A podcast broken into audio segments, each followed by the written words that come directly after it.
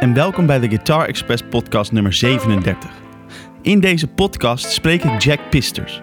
Jack is hoofd op de popafdeling van het Conservatorium te Amsterdam en de Dutch School of Popular Music, Music Matrix en de Guitar Matrix. Een flinke portie van zijn tijd steekt Jack in educatie. Hij speelde in de heavy metal band Avalon, had zijn eigen bands Soylent Green en Hickory Dickory en speelde voor artiesten als Anouk en Keith Caputo. Tegenwoordig speelt hij met onder andere Leonie Meijer. Jack is een rustige man, maar als je hem naar de juiste dingen vraagt, is er weinig meer te bekennen van zijn introverte voorkomen. Hij vertelt enthousiast over zijn beginjaren als muzikant, hoe hij zelf zijn eerste gitaar bouwde, hoe hij bij Avalon terechtkwam, zijn jazzstudie op het conservatorium te Maastricht, zijn werk met Keith Caputo en Anouk, tours in het buitenland, zijn filosofie aangaande educatie, maar ook bij popmuziek aan zich. Ook praat Jack vol lof over zijn net overleden vriend en collega, de drummer Oscar Kraal. Op deze manier doet hij een kleine tribute aan hem. We horen uiteraard ook Gear, een de drietal strats uit elk decennium 1. Ze zijn Marshall Plexi Super Bass en zijn pedalboard met onder andere verschillende fuzzes. Mijn oren piepen nog een beetje van het volume, maar wat een heerlijke ervaring weer. Ik denk nog even terug aan aflevering de 22 met Robin Berlijn en zijn AC30 op standje bloed uit de oren. We- Weet je nog? Wederom mijn welgemeend dank u wel voor het intunen op de Guitar Express podcast en heel veel plezier met Jack Pisters.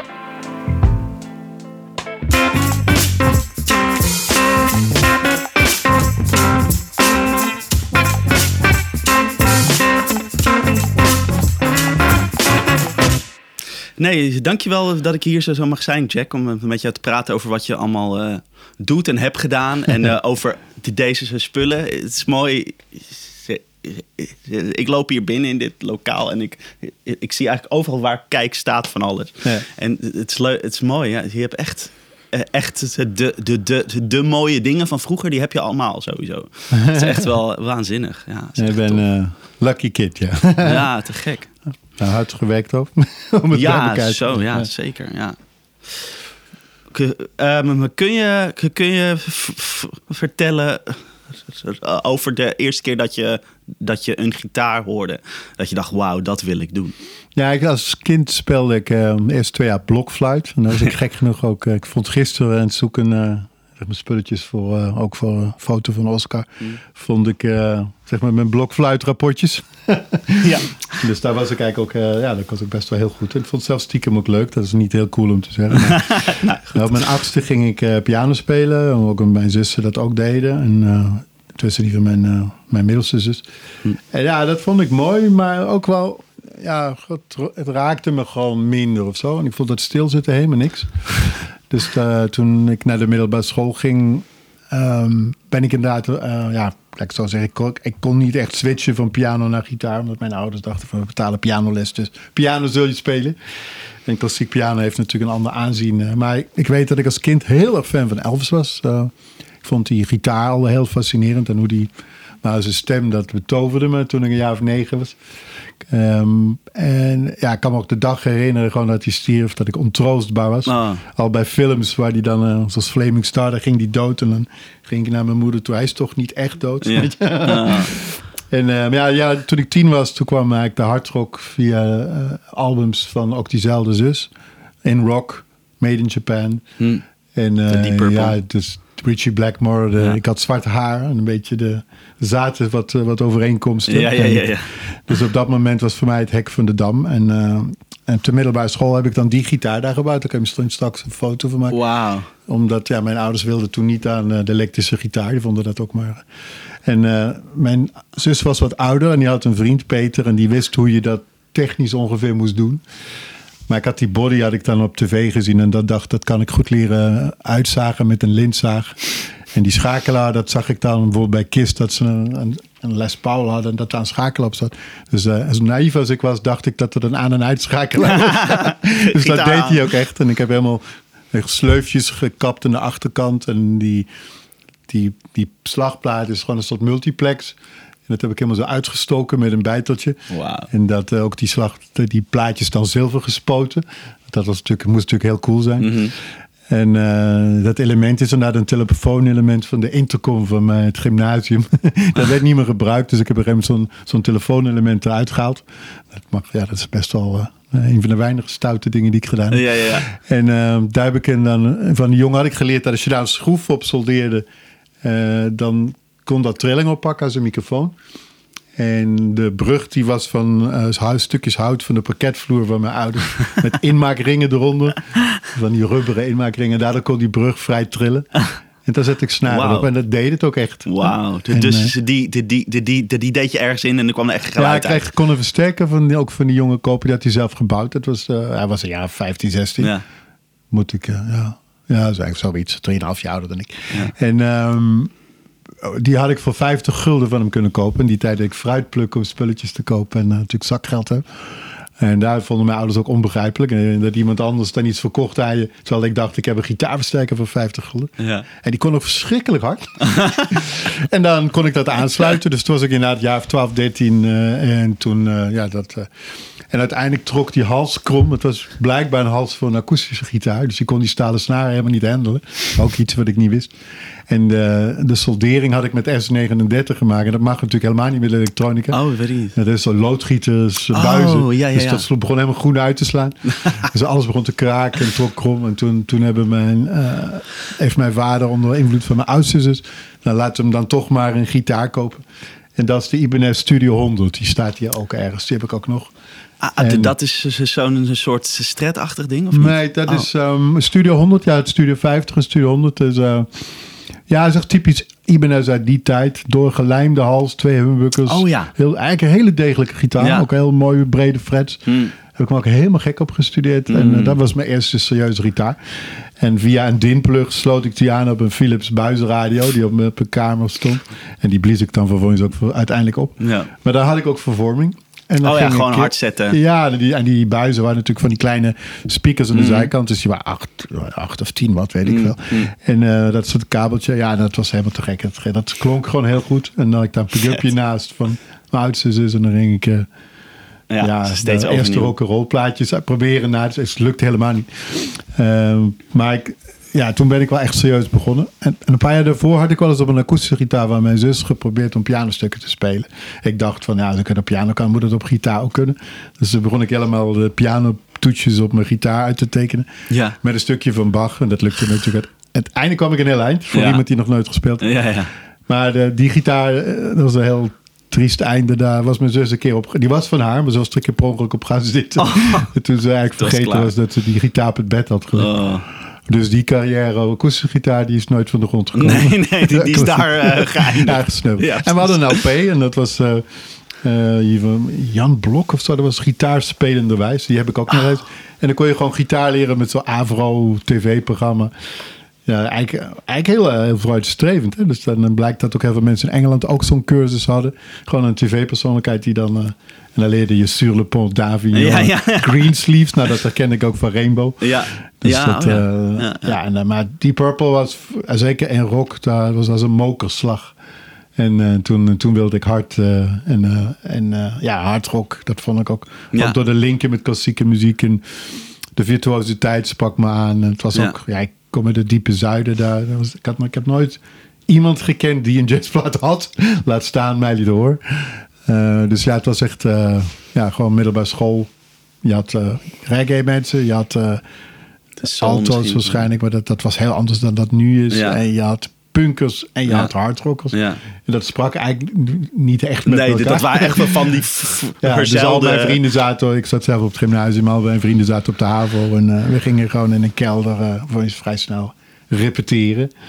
En dat was, ik denk toen ik een paar jaar speelde, was het, eh, ja, was Iron Maiden in 1979. En, eh, dat, eh, en Oh, die, die waren er toen al? ja, dit, de eerste albums volgens mij uit 80, maar de Oh, eerste ja. singles waren uit 1970. Ja, ja, ja, Judas. Priest, Unleashed in the East. Ja, ja. Maar voor mij heel veel Rainbow, ehm, Deep Purple. En ja, op een gegeven moment kwam Gary Moore daarbij. En, Ja, ja. En één belangrijk moment toen ik 13 was, was dat ik eh Edward van Helen hoorde. Ik Ja. denk dat het niet in 78 was, maar meer 79. ja. En ja, dat je Eruption draaide. En dat was dan in één keer alsof je zo de jaren tachtig gewoon binnengeslingerd Ja, wordt. wap, hier zo even, van ja. als, eh, Back to the Future of de meer Wayne's World gevoel. Ja, ja, ja. Wow. En, eh, ja, toen, toen- ja, ik kon natuurlijk die blues wel verwerken, maar toen was het opeens een andere straaljager sound. En, en die speelde in 1980 op Pinkpop. En daar ging ik toen naartoe met mijn Oh. eerste vriendinnetje. Dat was ook de eerste keer dat ik echt mocht. Want ja, daarvoor stond ik altijd nog aan de rand van het zwembad in Geleen aan het hek te luisteren. En, eh, Oh ja. Toen mocht ik nog niet van mijn ouders, wat niet heel vreemd is, want ik was 13. Ja. En ehm, toen kwam ik terug van, en toen weet ik dat Rush dat speelde in de police en was mijn fiets gestolen. Dus ik moest ik alsnog bekennen dat ik naar Pinkpop Je was eh, geweest. In ieder geval in de buurt was geweest. Ja, ja. Maar eh 80 was de eerste keer, ja, van hele dacht ik van ja, dat wil ik ook. Ja, maar, dat, en, was eh, een, dat, Huh? dat was toen ook natuurlijk echt een soort van aardverschuiving. Wat, wat, Ja, ja. wat, wat Eddie deed. Ja, dat was een scene. Ja, dat was aan de ene kant begreep je het door, door de. Er zaten routines in qua. Ja. Maar wat hier en hoe groove die of zo, deed, dat ja. is. eh, Nee, en ik had ook het gevoel, als ik dit niet, niet kan spelen, dan, dan. Of als ik dat niet uitzoek, dan heb ik geen recht van bestaan. Dan hoeft het ook hoeft het helemaal niet. Ja, dus dat was gewoon. eh, Ja, en dan- ja, dat was ook heerlijk. Want die gitaar kon natuurlijk op je kamer. En ja. dan hoefde hij niet beneden aan de piano te zitten. Nee. Dus het was ook een stuk onafhankelijkheid. Ja. En ik weet dat ik mijn ouders af en toe aan- beneden aan de trap stonden te schreeuwen van eten. En ik helemaal in mijn eigen wereld. Weet je. Helemaal. En eh, ja, het is gewoon een stuk identiteit. En dat, eh, ik maak altijd grapjes. Als je niet goed bent in sport, dan moet je maar leren gitaar spelen. Weet je, en zo, It's zo, true. voel- zo Ja. voelde het wel Ja, eh, ja, ja, in die ja. tijd. Dan maar gitaar spelen. Ja, mooi. Gelukkig geen sport, gelu- gelukkig gitaar is ja. Maar dat Ja. had ik niet bij de piano, ondanks dat ik natuurlijk een prachtig instrument en eh Ja, ik ben ook heel eind gekomen, maar dit, eh, ja, gitaar is instant in love. Ja. Ja, dat moet je hebben. Iets dat je gewoon in één keer gewoon pakt op een of andere on- onverklaarbare wijze. En dan, dat, dat, dat is ook bijna niet soort uit te leggen. Dat is gewoon, Ja, het was ook echt letterlijk gewoon, ja, ik, toch, ja, ik had het geluk dat ik redelijk makkelijk op school alles voor elkaar kreeg. ja precies. Dus, Dus, was thuiskomen, een paar uur gitaar spelen, het broodnodig huiswerk maken, een paar uur gitaar spelen. En dan eh, de volgende dag eh, weer hetzelfde. Behalve op de woensdag, dan ging je folders rondbrengen. En dan heb je een soort manier om heel veel folders zo eh, in elkaar te vouwen. Ja, ik meer opbrengst had. En daar kocht ik daar weer gitaarpedaaltjes van. En die liggen nog steeds. die liggen hier, ja. Gewoon ook mijn allereerste MXZ Plus. Ja, die zit meestal nog steeds op mijn bord. Ja, die, die je toen kocht. Ja, die heb ik ook jaren niet gebruikt. Omdat ik het eigenlijk gewoon dan weer in mijn dag van ja. Wat. Ik merk eigenlijk dat je gewoon effecten. Laat ik zeggen, als je begint te spelen, wil je dat een effect doet wat jij wil. En als je verder komt, dan bedenk je van: oh ja, ik kan dus iets bedenken wat werkt met deze sound. Ja, oké. Eh, ja. Of ja, dus dat de gitaar is ergens goed in. En dan is het ook heel erg fijn als je hem daarvoor gebruikt. ja, klopt. Ja. En Dat je hem niet ergens in wilt duwen wat misschien niet is. Of Ja, amp, eh, en Goeie, dat is natuurlijk een hele. Dat heeft bij mij best lang geduurd voordat dat muntje op een bewuste manier viel. Ja, ja, ja. Maar ik ben blij dat dan die spullen herontdek je of zo. En, dan, eh, en ik had heel veel vrienden die in coverbands speelden, heel goed waren. En die kochten altijd de nieuwste apparatuur en die verdienden ook heel veel geld. En altijd als zij er dan op uitgekeken waren, dan kocht ik die spullen over. Ja, en top. heel divers. En ook daarvan de meeste heb ik gewoon nog steeds. Dus dat is heel eh, fijn om diverse sounds te kunnen maken. En, eh, ja. Gaaf. Dus ja, Deep Purple. En toen natuurlijk Queen. Mijn eerste singeltje was eh, Bicycle Races van Ja. Queen. En, of Elton John's Song for Guy. Hmm. En dat vond ik ook een heel mooi liedje. Hmm. en ja, die Bicycle Races. En David Bowie. eh Oeh, Electric Blue, that's the color. Weet je. En mijn oudste zus die had allemaal nog wel zingen I'm the Walrus van de Beatles. Dat Ja. vond ik ook een hele... Ik was ik zeg, vond de Beatles gewoon natuurlijk fantastisch, maar niet heavy genoeg voor mij. Ja, Maar die song die heeft me altijd vanaf dag heen geïntrigeerd door Dat alle- is zo'n weird. En Ja. later ga je pas begrijpen wat er allemaal gebeurt Ja. aan harmonie. Maar Ja. daar was ik toen heel... Ja, en Queen vond ik ook insane. Dat vibrato van Brian May, de intensiteit. En, en ook de absurditeit van de composities. ja. Dus ja, dat is ook zo'n band die ik gewoon in 86 gewoon twee keer gezien heb. Zo. En dan later denk ik, Echt? ja. Jezus. in Groenhoordhal in Leiden. En ook ooit nog eh, in Duitsland op een heel groot festival in diezelfde tour met eh Highlander. Dus ja, dat zijn wel onvergetelijke indrukken natuurlijk op, op, je, op je stijl en op je... Ja. de gitaarheldenperiode, zeg maar. Mm. Ja, dat was Ja. ook echt die tijd ook wel. Ja. Ja, dat is de 70. Nu heb je het natuurlijk ook, maar dat was toen een soort van. De, toen kwam dat allemaal. Zo Ja. kwam het in één keer zo. Ja. Nou, soms natuurlijk, je bent natuurlijk wel echt te jong voor de, de, de 60s, zeg maar. De, Ja. Wat de echte, ja, de gouden eeuw in Londen.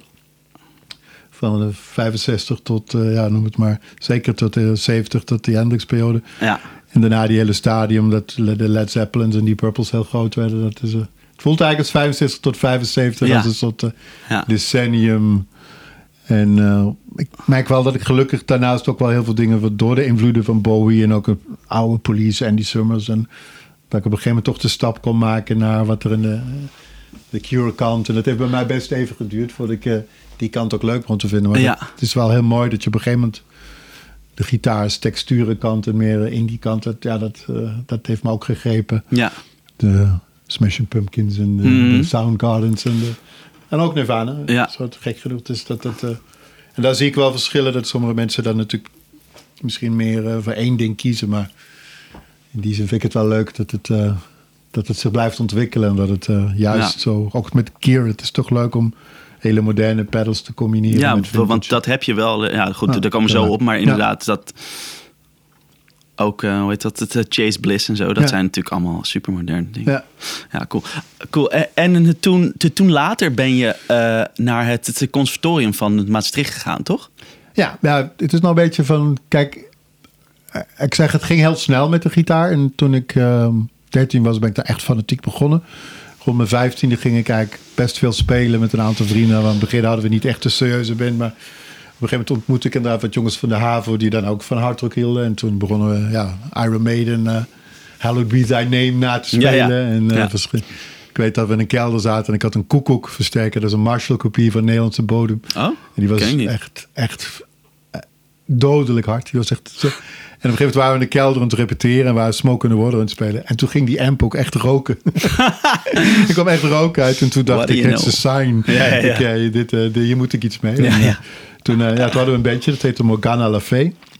En eh, ja, het was echt superleuk. Twee gitaristen, ook een goede gitaarvriend van mij, waar we samen mee ook eh, een tijdje. De, ik heb heel kort les gehad op de muziekschool, hele gitaarles. Meestal had ik gewoon pianoles, maar. En ehm, dat was, ja, dat was wel echt een twin gitaar. eh, eh, en ja, we werden eigenlijk opgemerkt door eh, band Avalon. Oh, ik was ja. heel erg ja, fan van de andere gitarist die daarin speelde. Dat is Maarten Huiskamp. En die had toen al avant la lettre een enorm mooi pedalboard met delay, chorus. En dat kon hij schakelen met relais. Eh ze had een hele handige bassist in de band. Rutger heette die. En had een broer die bominstallaties bouwde. Eh, die werkte bij DSM. Dus het was een soort van jongens, waren ook allemaal acht jaar ouder. En op een gegeven moment eh, ging de zanger, die was eigenlijk door hun benaderd. En wij zijn toen met z'n tweeën van eh, Morgana La Fee naar Avalon gaan. Wij waren 17 en de rest was 4, 25, zoiets. Dus ja, en we hadden een management serieus. En dat, ja, toen gingen we echt heel veel spelen. En ik was toen wel heel erg fanatiek. Eh, dus het werd eigenlijk een soort mix tussen meer classic rock, noem het de gamma kant en waar zij vandaan kwamen, meer ja, 70s uh, Montrose en Ja, dat soort dingen. ja, ja, ja. Ehm, ook wel van hele liefde. En gemengd tot röntgen invloeden.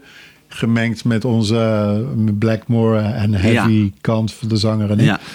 Dus en dat werd eigenlijk de Avalon, eh, ik geloof ja, officieel Mark 3 of zo. Maar, eh, en dat was eigenlijk een periode dat we ook ja, heel veel gingen spelen. En toen heb ik meegedaan in de, aan de gitaarwedstrijd van, eh, van de Caro Radio. Mhm. En dan kon je de gitaar van Gary Moore winnen. Ja. Ik was toen 17 en nog een- had ik een bandje gemaakt met een soort gitaarsolo. Dat was natuurlijk toen heel hot, hè? Hier van hele hot Eruption. Gary Moore had een ding, ik weet eh, even niet, eh, op uh, Chords of Power opening. Hmm. En ja, dus we hadden allemaal gewoon ook zo'n solo in de set. En Ja. er was ook nog tijd dat Ja. je gewoon een drumsolo had met dubbele bass. Ja, ja, ja, ja, ja. En ik heb die solo op een gegeven moment eh, uitgewerkt, opgenomen. Nou, dat kostte gitaar, dubbel dingetjes. En dat heb ik in mijn eindexamenjaar opgestuurd. Omdat ik dacht, ja, ik ga het gewoon proberen. ja. En eh, dat heeft heel lang geduurd, lang niks gehoord. En op een gegeven moment belde Peter eh, van de radio belde, op. En die zei, wat dacht je dat je bij de laatste drie bent? En toen zei ik, oh, hoe niet, op zijn Limburgs. En, eh, wat maar- zei je? Oh, hoe niet? En ik was helemaal verbaasd. want Ik had Oh. er helemaal niet meer op gerekend om er iets van te horen, over te horen. En, eh, maar uiteindelijk eh, heb ik, ja, had ik hem gewonnen. En toen ben ik in mijn eindexamenjaar heb ik Moore ontmoet. En naar Nijmegen gegaan. En hij had de Victims of the Future Tour. Hmm. En voor de kleedkamer. En Pace was daar. En nou, die Oh, echt een speelde Ian Pace met hem? Oh. Ja, in die tijd ja. En ik, De ik Deep was ook op mijn drummer. 16e naar Reading Festival geweest. Daar speelde ik game, had ik nog niet die gitaar, maar was een groot fan. En daar speelde Schenker met Gary Barden. Daar speelde. Iron Maiden, Tigers of Panting. Diamond Head, waar Oh, Metallica op gebaseerd is. Ja, ja. Eh, ja, dat was een ongelofelijke line-up in die tijd. En, eh, Vet. dus dat was 83, 82, 83. En eh, ja, toen had die wonnen die gitaar. Ja, en toen, toen hebben we daar een EP mee gemaakt. En dat was toen een hele, eh, ja, best een grote band in Limburg. Met uh, ons première concert waar 1100 mensen. Wauw. Dat dat nog kan, hè. Dat je gewoon, ik zeg die tijd altijd, als je, als je op middelbare school zit, dan heb je nog vrienden, hè. En, eh, Ja, dus dat klopt. was Die- high school kijken. periode. Ja. En eh, die kwamen allemaal kijken. En, Ja, ja. en die manager maakte heel goed reclame. En, eh, dat- dus ja, toen begon het te draaien en hebben we een, een, eh, een EP gemaakt, of ja, een soort mini-album. En eh vinyl. En dat eh, ook, ja, wij speelden de, was Dyna- Dynamo Records. Dus dat is eh, het album, of de platenmaatschappij van André Verhuizen van eh Aardschok Festival in die tijd. Of Dynamo, Dynamo Open Air moet ik zeggen. En eh, dus die eerste twee edities ook gespeeld met King Diamond en eh, Striper en allemaal dat soort Ja, bands. ja, ja. En heel veel getoerd. En ja, die plaat deed het gewoon goed. En ook in het buitenland. ik. Maar je, je spaart heel lang voor een demo. En dan maak je een demo en dan gaat alle geld weer op. En ja, we nogmaals uh, zes speakerkasten. Ja, ja, ja.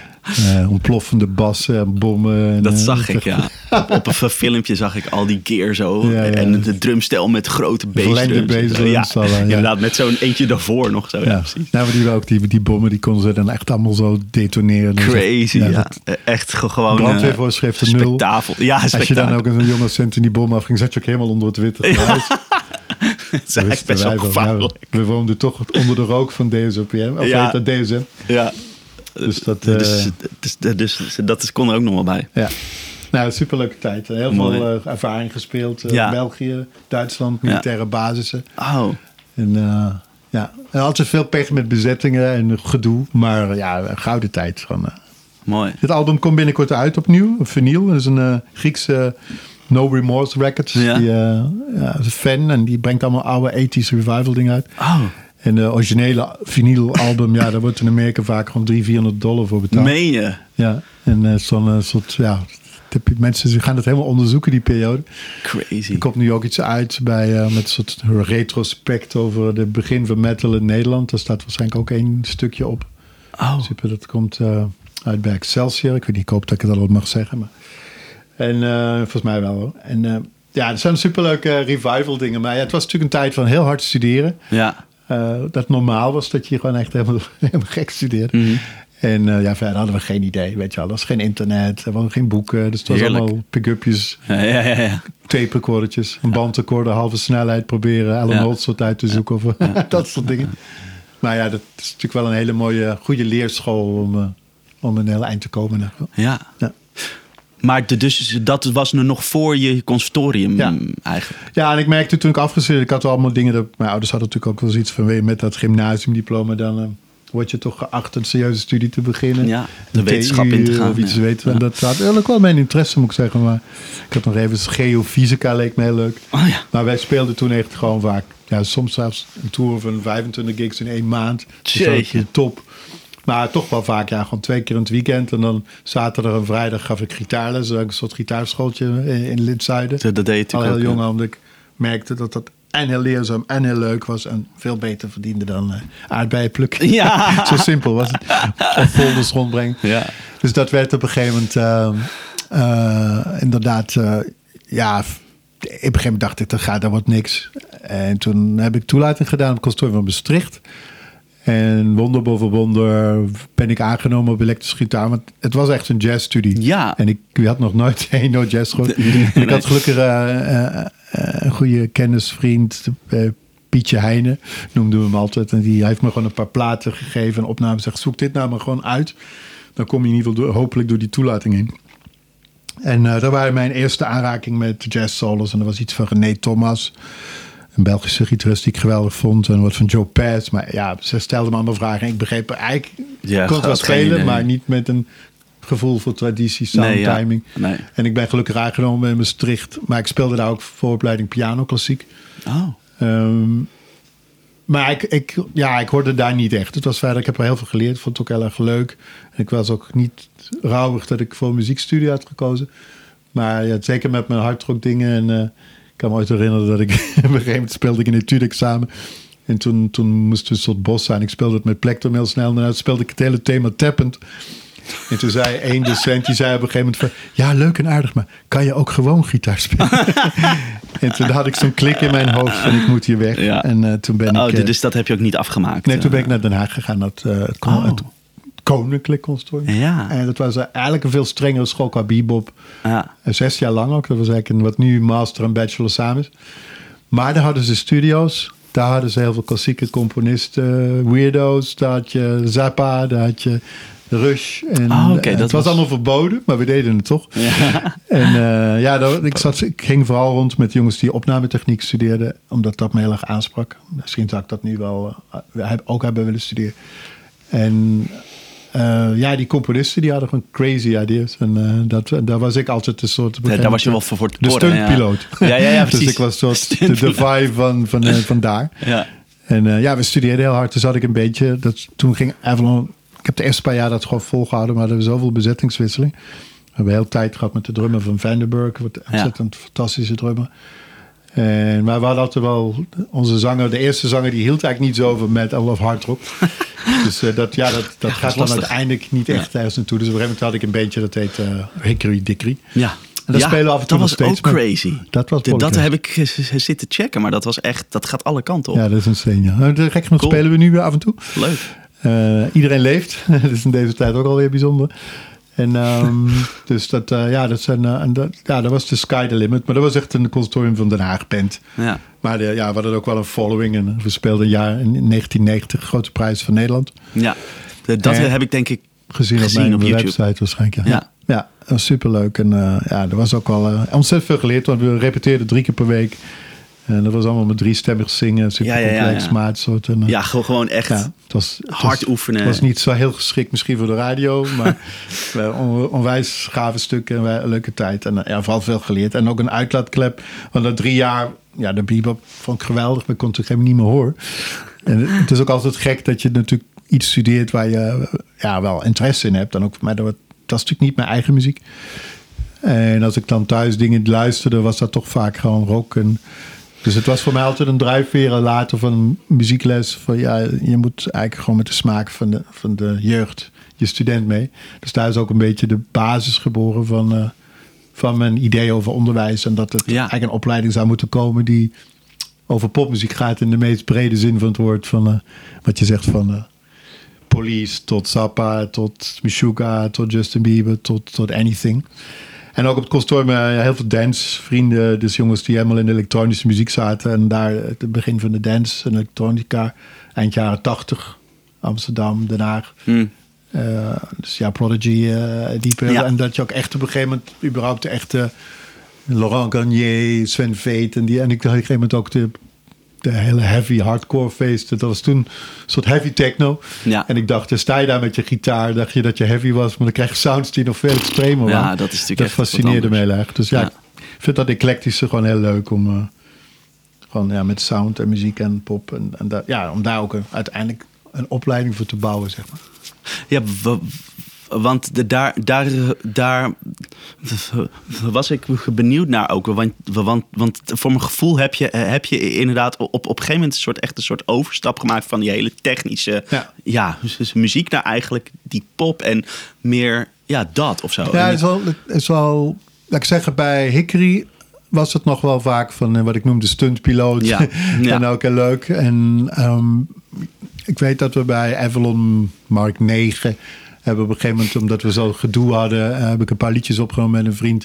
Hans Weekhout, hier gewoon ook een fantastische producer, engineer. En ehm, ja, wij hebben bezig met samplen. En, eh, Ja. en op een gegeven moment, het was echt die tijd dat je net gewoon eh, artificial dingen kon doen. Eigenlijk nog voordat de house losbarstte. Ja. En dat je gewoon je bas ging samplen of een snare ging vervangen met Ja. een trigger. Weet je, ja. Waar je nu van denkt, waarom? Je kan er ook gewoon op spelen. Ja. Maar ehm, en ja, op een gegeven moment was het was super technisch. Het was ook, maar ik merkte aan mezelf, als ik het dan terughoorde, wist ik gewoon altijd wat er ging komen. Want het is toch meer gecomponeerde muziek. Ja, klopt. Dus ik werd een beetje een soort van verveeld door mijn eigen spel. En als ik dan iemand als Alan Holsworth hoorde die dan dit improviserend kon, eh, los van dat ik zijn muziek echt te complex vond om zelf dat soort dingen te gaan doen, maar Mhm. los van of je het kan.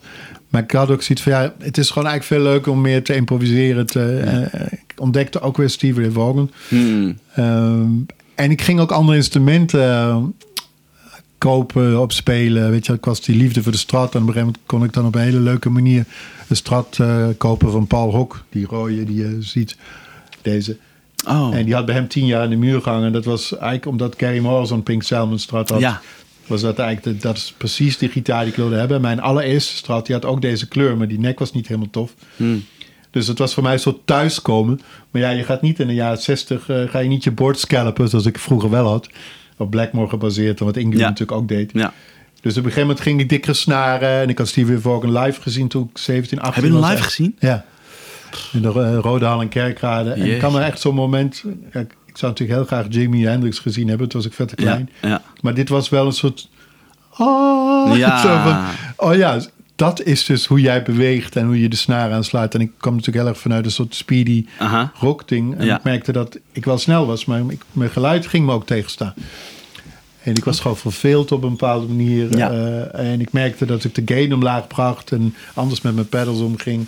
En anders aansloeg dat ik een veel diepere sound kwam. En die instrumenten riepen op. Dus op een dacht ik van ja, ik ga niet meer eh, die, eh, die solos voorbereiden. En ik ga gewoon veel meer op het gevoel en emotie en melodie. Tof. Leuk dat je zo'n soort... Ja, Dat dat dan shift of zo. Ja, ik zie dat natuurlijk ook wel meer. Het zal ook, een- ik weet niet of het met leeftijd te maken heeft. Maar dat, dat had voor mij vooral met instrumenten te maken. De muziek die ik luister. Er Ja. kwam ook veel liefde voor Blackmore terug. Hmm. Ik merk nu, als ik een andere amp setting heb... en ik ga daar bijvoorbeeld in de Van Halen ding... dan komt dat heel snel terug. Ja, ja. En als ik op een... Ik speelde op het consortium heel vaak Fusion op een eh, soort strat met humbuckers. Als ik die pak of een humbucker... dan komt er een soort Robin Ford Alan Holson Mm, vibrator mm, terug. Mm, Eh, er is een Ja. Larry Carlton fase. Er zit een Pat Metheny fase. Een hele grote Wes Montgomery fase. ja. En zelfs ergens een Django. En eh, René Thomas, die ook weer door Django. Dus, is- ja, in die zin. En dat vind ik eigenlijk het belangrijkste van mijn studenten. Het maakt niet uit welke stijl. Er zijn. Coltrane is gewoon een muziek. Ja, als je dat hoort, is het geweldig. Dat geldt voor Charlie Parker. Dat geldt voor Wes Montgomery. Dat geldt voor Django. Dat geldt voor Hendrix. Dat geldt voor Van Halen. Als je maar vindt wat jouw stem is. En wat je, en kijk, wat ik moeilijk vond aan het conservatorium is dat ik natuurlijk geen muziek moest maken. Waar ik kon berekenen en waar ik stuk in kon schrijven. En, maar het voelde altijd alsof ik in de huid van iemand anders kroop die ik niet was. Dus na het conservatorium ben ik eigenlijk wel heel snel gewoon eh, rock gaan maken. En in het begin was dat wel dat je, ja, ik kom natuurlijk heel erg uit die 80s en dat je dan heel erg vast zit aan een, misschien een songformat waar je dan ook weer op uitgekeken bent. Weet je. Je je eigen muziekje gaat vervelen. En toen kwam ik eigenlijk met die combi met dance en Ja. de extravagante kant van Hickory en de rockkant kwamen we op Soylent Green. En dat Ja. vond ik eigenlijk een hele mooie periode waarin een paar lijnen bij elkaar kwamen. Ja, van- dat, de- daar, de- daar heb ik eh, eh, natuurlijk ook naar zitten luisteren. En dat voelde ook inderdaad als van... oh ja, hier komen dingen bij elkaar of Ja, zo. Die precies. rock en inderdaad soort die, die soort van... De techno, Ja. ja, ik, ik weet niet precies, maar die, ja, die Ja. elektronische muziek. ja, en die toch ook een 90s ook. Ja, dat. Ja, die, die drop day. ja, ja, ja een beetje dat... Noem het, het, eh, hoe heet het? Het Nine Inch Nails eh, Ja, Nine. Inch Nails, Korn. Ja, Ik heb dat. eh, Ja, dat is best gek. En de, natuurlijk heel erg Smashing Pumpkins. Ja, Ehm, maar ja, inderdaad. Ik, ik heb Trent Reznor ook live gezien. Ja. ik was op Roskilde met Caputo in 2001, denk ik, dat dat zo misging daar. Oh, toen- was jij er. Ja, wij speelden daar. Oh, jezus. En, eh, maar ja, ik weet dat ik het concert van Trent Reznor... Ja, ik weet dat. Ja, Het was zo fascinerend. En het is ook niet helemaal mijn muziek, maar Nee. zo bekijk ik het ook vaak niet. Maar de riffs, de, de sounds, de verzorgdheid, de impact, de sound, heel hard was. ja, ja. En eh, ja, ook die hele 90s vibe van nog zelfs of het nou, eh, ja, zijn zoveel bands dat ik ook die drop day periode noem het maar. Ja, ja. En eh, daar zit zeker veel van in die Soul Green, maar ook wel weer classic rock. En Ja, zo- klopt. Vind wel Ja. een probleem bij mij dat ik af en toe te veel dingen bij elkaar sleep, weet je, wel, omdat je zo. Dus als ik dan albums zou bekijken als een, eh, als ik er van buiten naar zou kijken, dan zou ik meer coherentie misschien willen, eh, noem het maar de E&R kant. Maar ik vind het gewoon zelf leuk, die gitaar fascineert me. Dan Ja, maar je even- maakt wat je maakt, toch? En, eh, ja, precies. Maar soms merk ik wel als je een album ook over twee jaar maakt, dat het is gewoon ook natuurlijk. Het is ook soms goed om iets niet op een album te zetten. Ik weet dat ik in ooit een gesprek had met Atti Bouwer. En toen had ik een, een heel mooi liedje met een sitar gemaakt. En hij zei, ja, het is gewoon een wereldhit. Ik vind het geweldig. En maar daarna zei hij ook, maar het hoort niet op dit album. Ja, en later denk je van, ja, je hebt gewoon gelijk gehad. Ja, ja. Maar wij maakten die dingen ook gewoon toen al een beetje zelf. Omdat de industrie ging al... Dus Green hebben zelf uitgebracht. Zelf Ja. een clip gemaakt. Ja. Natuurlijk uh, Hans uh, Weekhout heeft dat super goed geproduceerd voor. Ik dat denk wat we allemaal voor elkaar kregen met hele beperkte middelen. Aha.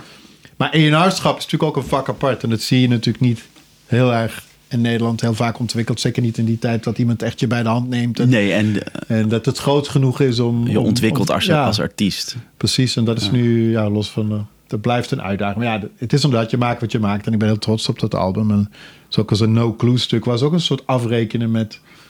Wat jij zei, dat je een solo een solo moet zijn. Aha. Ja. Die sound in het midden is eigenlijk een sound die weet ik, in die tijd heel veel soundtracks voor theaters en films. Ja, met Fons Markies. En dat gitaarstuk, het midden van No Clue, dat al die feedback, dat is eigenlijk die Gibson amp die daar in de hoek staat. Ja. Eh, met deze strat, maar Ja. de, de tremolo, helemaal, de- helemaal eh, losse snaren, feedback. Oh, En die amp. En dat zijn eigenlijk de twee legers in Shakespeare, Hamlet, dat, dat dan die gaan strijden. En dat was een theaterstuk in het Amsterdamse Ah, Bos. ah. En die feedback zat in dat muziektheater. En die hebben we gewoon eruit geknipt. En zo als solo over dat maatwisselingstukje, ja, zo lang gefiedeld tot het paste. En dat was gewoon mijn afscheid van dat je per se moet spelen wat Maar, je geleerd hebt. Of, of Ja. dat het alleen maar feedback is. dat het gewoon gaat om een soort sound en energie. Ja, dat je eigenlijk dat je dat eigenlijk nooit op die manier had kunnen spelen. Dus je wist maar dat je dus gewoon ook als een componist gewoon een noise kan ja. nemen. Ja. En dat was zo bevrijdend eigenlijk. En de, die riff en die met die drop en dan die strijkers in het begin die staan een andere toonsoort. Dus het is ook heel Ja. erg wel goed over na, bitonale Ja, nagedacht. ja, ja. En we hebben die muziek ooit met de symfonieorkest mogen spelen in, eh, in Limburg. Eh, eh, en ik vergeet dat een Bart Rademakers die had alle arrangementen gemaakt met blazen. Het was echt, het was veel te moeilijk overigens voor het orkest om te spelen. Maar het, wa- hij zei toen bij de repetitie. eh, ja, als het een andere toonsoort staat, schrik niet, maar dat is bewust. ja, dat moet je er even bij zeggen. ja, dat, en, eh, dat was geweldig. Maar ook had er zo mooie arrangementen van Ja. gemaakt. En dat, ja, dat was inderdaad die industrial periode. En eh, ja, dat was natuurlijk fantastisch om dat zo eh, megalomaan met het orkest neer te kunnen zetten. En eh, ja, dus dat is een album waar het een soort eh, enorm... waar het ook heel goed gedaan heeft eigenlijk. We hebben daar was natuurlijk 5000 exemplaren van verkocht in een eigen Mm. beheer. En eh, ik denk Wauw, 3000 in Nederland, 2000, 1500, 2000 Duitsland en 1500 Japan. En Japan is dat heel onduidelijk. Je ziet nooit wat daar precies gebeurd is, maar je bent al in die tijd was je blij als je een cd had met Japanse lettertjes erop. Ja, ja, ja. ja. Dus dat, eh, ja, zakelijk gezien is het allemaal eh, kinderspel. En, eh, maar het was wel gewoon, eh, ja, do it yourself. Dat kwam ook een beetje omdat al mijn huisvrienden dat ook deden. ja. Toen dacht ik, ja, dan moeten wij dat ook doen. Dat gaat vast eh, die kant op. En het was nog net de tijd dat je wel nog cd's kon verkopen. Dus Mhm. dat zou nu met zo'n aantal al heel moeilijk worden. ja. Maar het was wel echt een tof album. Met, bij de oren en de jaaroverzicht en die in de top 10 stond. Van. Tof. Dus dat... en niet, ja, gewoon niet alle stukken. Maar ja, dat is eigenlijk altijd. Hè. Maar er zijn Ja. wel, een paar mooie dingen die... En ook echt... Dat is ook een fase dat gitaargeluid dat ik echt gevoel had door al die filmopnames. Want we deden wekelijks een serie Combat van Veronica. Dus elke week. En had je de Willeke van Amelrooy gitaar. Je had eh, de brommende legerofficier gitaar. En eh, er kwam heel veel sessiewerk kwam gewoon bij elkaar. En dan als je elke week zo'n serie doet, dan word je gewoon heel handig. Ja. Met sounds, die sounds en, zo. eh, Ja, ja, en ik had gelukkig door dat fonds En het dat ook aan elkaar linken ook zo van. ja, ah, dat je, dan was het zo, hadden we een sessie en dan zei hij van ja, neem je onderwatergitaar mee. En dan wist ik, dat bedoelde die eh, La Vida Loca van eh down, Dat is dan een strat met heel veel galm op de showman. ja, ja, ja. met een bepaald soort vervorming. En dan hadden we, ja, dat, je kreeg van die signature dingen. Het Passato scheur, dat was dan eigenlijk eh, een Ja. humbucker op een Marshall met een tube screamer. Waardoor je een beetje ethisch en dan ja, een zo'n erop. lead sound, ja. Van, eh, met eh, respect voor op winter, weet je wel. Dat zijn gewoon allemaal dingen. En dan, Ja. ik had die handigheid en dat nooit kunnen ontwikkelen als je, niet dat heel vaak Ja, kan, mag, moet doen. Hè. ja. Dus dat was een hele mooie periode ook. Tof. Oké, ehm, dan wilde ik even naar eh, eh, ja, de, mensen waar je ook me- mee, me- mee, me mee hebt gespeeld, meer dan in dienst van, zoals als Caputo of eh Anouk Ja. of zo. Ehm, hoe, hoe ben je daarbij bij, eh, terecht gekomen bij bijvoorbeeld deze mensen? Of misschien Ja. heb je nog een. Ja, dat is mijn verhaal. Want ik, ik, ik was natuurlijk altijd bezig met bandje, bandje. Kijk, hetzelfde waar onze studenten ook mee worstelen. Je, je zet je hart en ziel in een Ja. soort high school ding. En je weet, het is heel moeilijk om, voor mij is het heel moeilijk om op tijd met iets te stoppen. Andere mensen stoppen te snel. Maar ik vind dat heel lastig. Hmm. ik, ik wil nooit opgeven. Hmm. Ehm, we hadden met Soylent Green speelde ik ontzettend lang met, uh, ja, dan ik in die tijd een dierbare vriend uh, vanuit Avalon, Erik Fox. En die was op een gegeven moment daar gewoon klaar mee. En dat begreep ik misschien ook. En want ja, je hebt altijd zo'n medium succes. Dus je reist naar Nuremberg, je doet drie gigs. Je bent de hele weekend, ja, er wordt natuurlijk uh, biertjes gedronken, het is gezellig. Uh, je slaapt niet omdat je in zo'n bus zit zonder... Uh, en dan kom je zondagnacht om vier uur thuis en om zeven uur gaat de wekker en dan moet je naar je werk in ja. zijn geval en ik naar school. Ja. En als je naar school moet, is dat allemaal wel te doen. Dus ik, ik slaap niet zoveel zoals mensen weten. Dus maar voor hem was het op een gegeven moment na 15, 20 jaar niet meer op te brengen. Ja. En uh, ja, hij is gewoon toen in zijn eigen regio met de band begonnen. En uh, hij wilde gewoon op een andere manier muziek maken. In ieder geval meer in zijn... En ook gewoon meer opbouwen in zijn regio. En niet maar ja, je houdt dan 100 mark over in die tijd voor, voor een heel weekend. En ja. als alle kosten eraf zijn. Ja. En dat is eigenlijk een fantastische periode qua gezelligheid. Maar om zo'n ja. band dan... Is dat medium succes waar veel bands aan stuk gaan. Dat, ja, dat haal je dan niet meer vol. Ja. Maar je fysiek en crew en sound... Uh, ja, hou je er gewoon geen, geen inkomen aan over. Nee. En dat kon ik me toen wel veroorloven, maar Ja. de rest was dat moeilijker. Ja. Hadden we bezettingswisselingen. Ik sprak natuurlijk mijn docenten van het muziekschool. Ik was hoofd van, eh, van het korenhuis Pop. En, eh, ik heb daarnaast altijd gewoon een dubbel leven geleid... dat ik ook nog gewoon docent was in die tijd. Op een, en eigenlijk gewoon een, een eigen afdeling had. En ik werkte ook al heel lang op het conservatorium. En ehm, toen zei Wieboud Burkens van... ik zit bij Keith Caputo. Hij komt heel erg uit de soul, neo-soul, jazzy, Hm. eh, pop. eh, fantastische toetsenist. En hij zei, ik doe dat heel graag. Het is een waanzinnige zanger. Maar het is niet de muziek waar ik helemaal in thuis hoor. En ik denk dat hij een rockgitarist moet hebben. En al die mensen die daarin zaten, konden dat gewoon heel snel zo... Weet je, dat je één repetitie en dan stond in principe Ja. de show. Ja, was gewoon... Dus, en dat moest ook, om een of andere reden. En ik kon dat natuurlijk wel vanuit het conservatorium in Hickory en het lezen of uitzoeken. Mhm. Eh, maar tegelijkertijd was ik altijd gewoon eigen projecten, had ik altijd eigen bandjes gehad. Dus dat Ja. was eigenlijk de eerste keer dat ik iets voor iemand deed waar ik gewoon gebeld werd. Ja. En eh, buiten de film- en theaterdingen was. Mhm. En toen kreeg ik inderdaad een cd, de Died Laughing plaat. Die was net uit eh, Valentijnsdag. Ik weet niet meer welk jaar. Dat moet 2000 zijn geweest, 14 februari. En vlak daarna kreeg ik die cd, Fietscourier. Ik weet eigenlijk niet meer precies wanneer die tour begon hoor. Maar dat is natuurlijk vast niet... Maar in dat jaar. Ergens, ja. En eh, ja, dan kreeg ik vrijdag die plaat en ik had het heel druk weekend. En heb ik op zondag alle, al die stukken ingestudeerd. En het voelde als, die man luistert ook naar Pink Floyd. Die, Dit is ook Bowie en dit is ook Doors en dit is ook Nirvana Mm. en dit is ook grunge. En, Ja. en het was een soort muzikaal thuiskomen, waardoor we op maandagochtend repeteerden. En ja, dat is een mooie link, want eh, degene die daar zat was Manuel Hugas. Ah. Eh, dus ik kreeg het via Wieboud, die ook later op het school gelukkig de toetsen deed. Manuel Hugas is later bij ons de basdocent geworden. Het, Ja. eh, het bas-based, een fantastische bassist. Ja. En Oscar Kaal zat daar op drums. Oscar. En we waren in de jam. En eh, Keith, die, eh, die kwam ik daar de eerste keer tegen. Dus ja, en eh, ja, wij gingen repeteren. En er zat nog ehm, een meisje op toetsen. Ik, Jamedi, Ja- ik, weet, ik weet niet zeker, hoe- ik ken haar heel goed. Maar, ehm, en wij gingen repeteren. En dat voelde als, ja, als thuiskomen, muzikaal. Ik heb eigenlijk nooit zoiets meegemaakt. En, Hm. Eh, Manuel heeft zo'n ongelooflijke oren. Dat als je iets aanslaat en hij doet iets en jij doet iets. En Ja. het is met- Ja. meteen een verhaal. En Oscar die speelt liedjes vanuit een tekst. En dus dat speelde zich gek genoeg. In ieder geval voor mij was het een enorme bevrijding om meteen zo muziek te maken. En dan met basdrum en gitaar. Dat was ook zo'n klik dat dat ook heel snel uiteindelijk de tourband werd. En we, ja, het was echt maandag repeteren. Keith die ging de halve repetitie op de grond liggen en zei: I just want to listen. die, die ging eh, met op zijn rug liggen en die, die was helemaal enthousiast. En Spacey vond hij het helemaal van zin. Toen hebben we donderdag zouden we nog bij elkaar komen. Ja, en zaterdag speelden we in de Melkweg voor het programma van Travis. En zondag in Parijs. dus dat was een Europese tour. Dus dan, dat ging meteen los. Wauw. En dat hebben we eigenlijk zeker dat jaar hebben we heel veel gespeeld. En ook in 2001. Eh, eh, het het begin van het jaar, maar ook eh, veel gespeeld. Ook met deze bezetting voornamelijk. Hoewel zij met Candy ook speelden, allebei.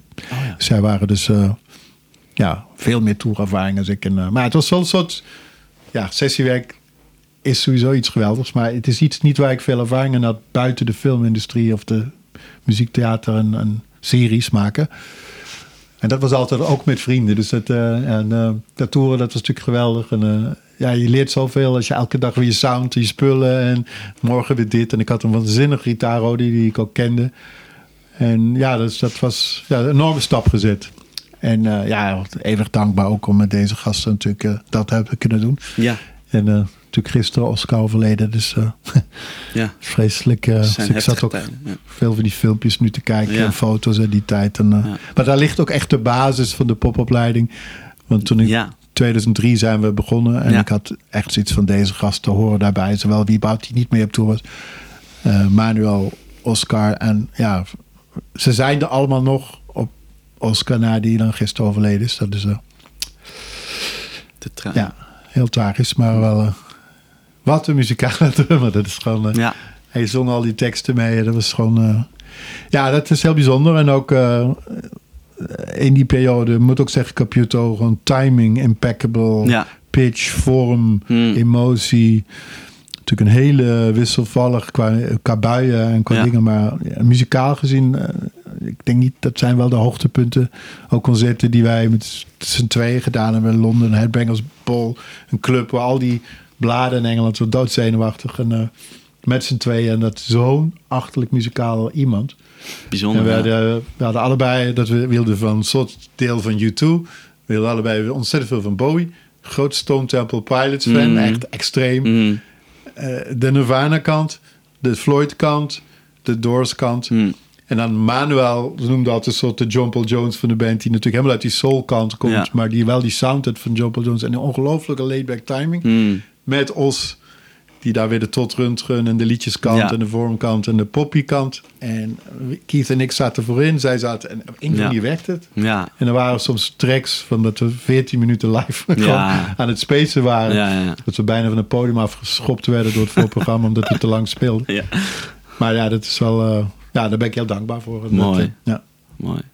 Dus daarmee kwam ik bij Caputo. Die ging toen een half jaar terug naar Amerika. Ik denk wegens visumdingen.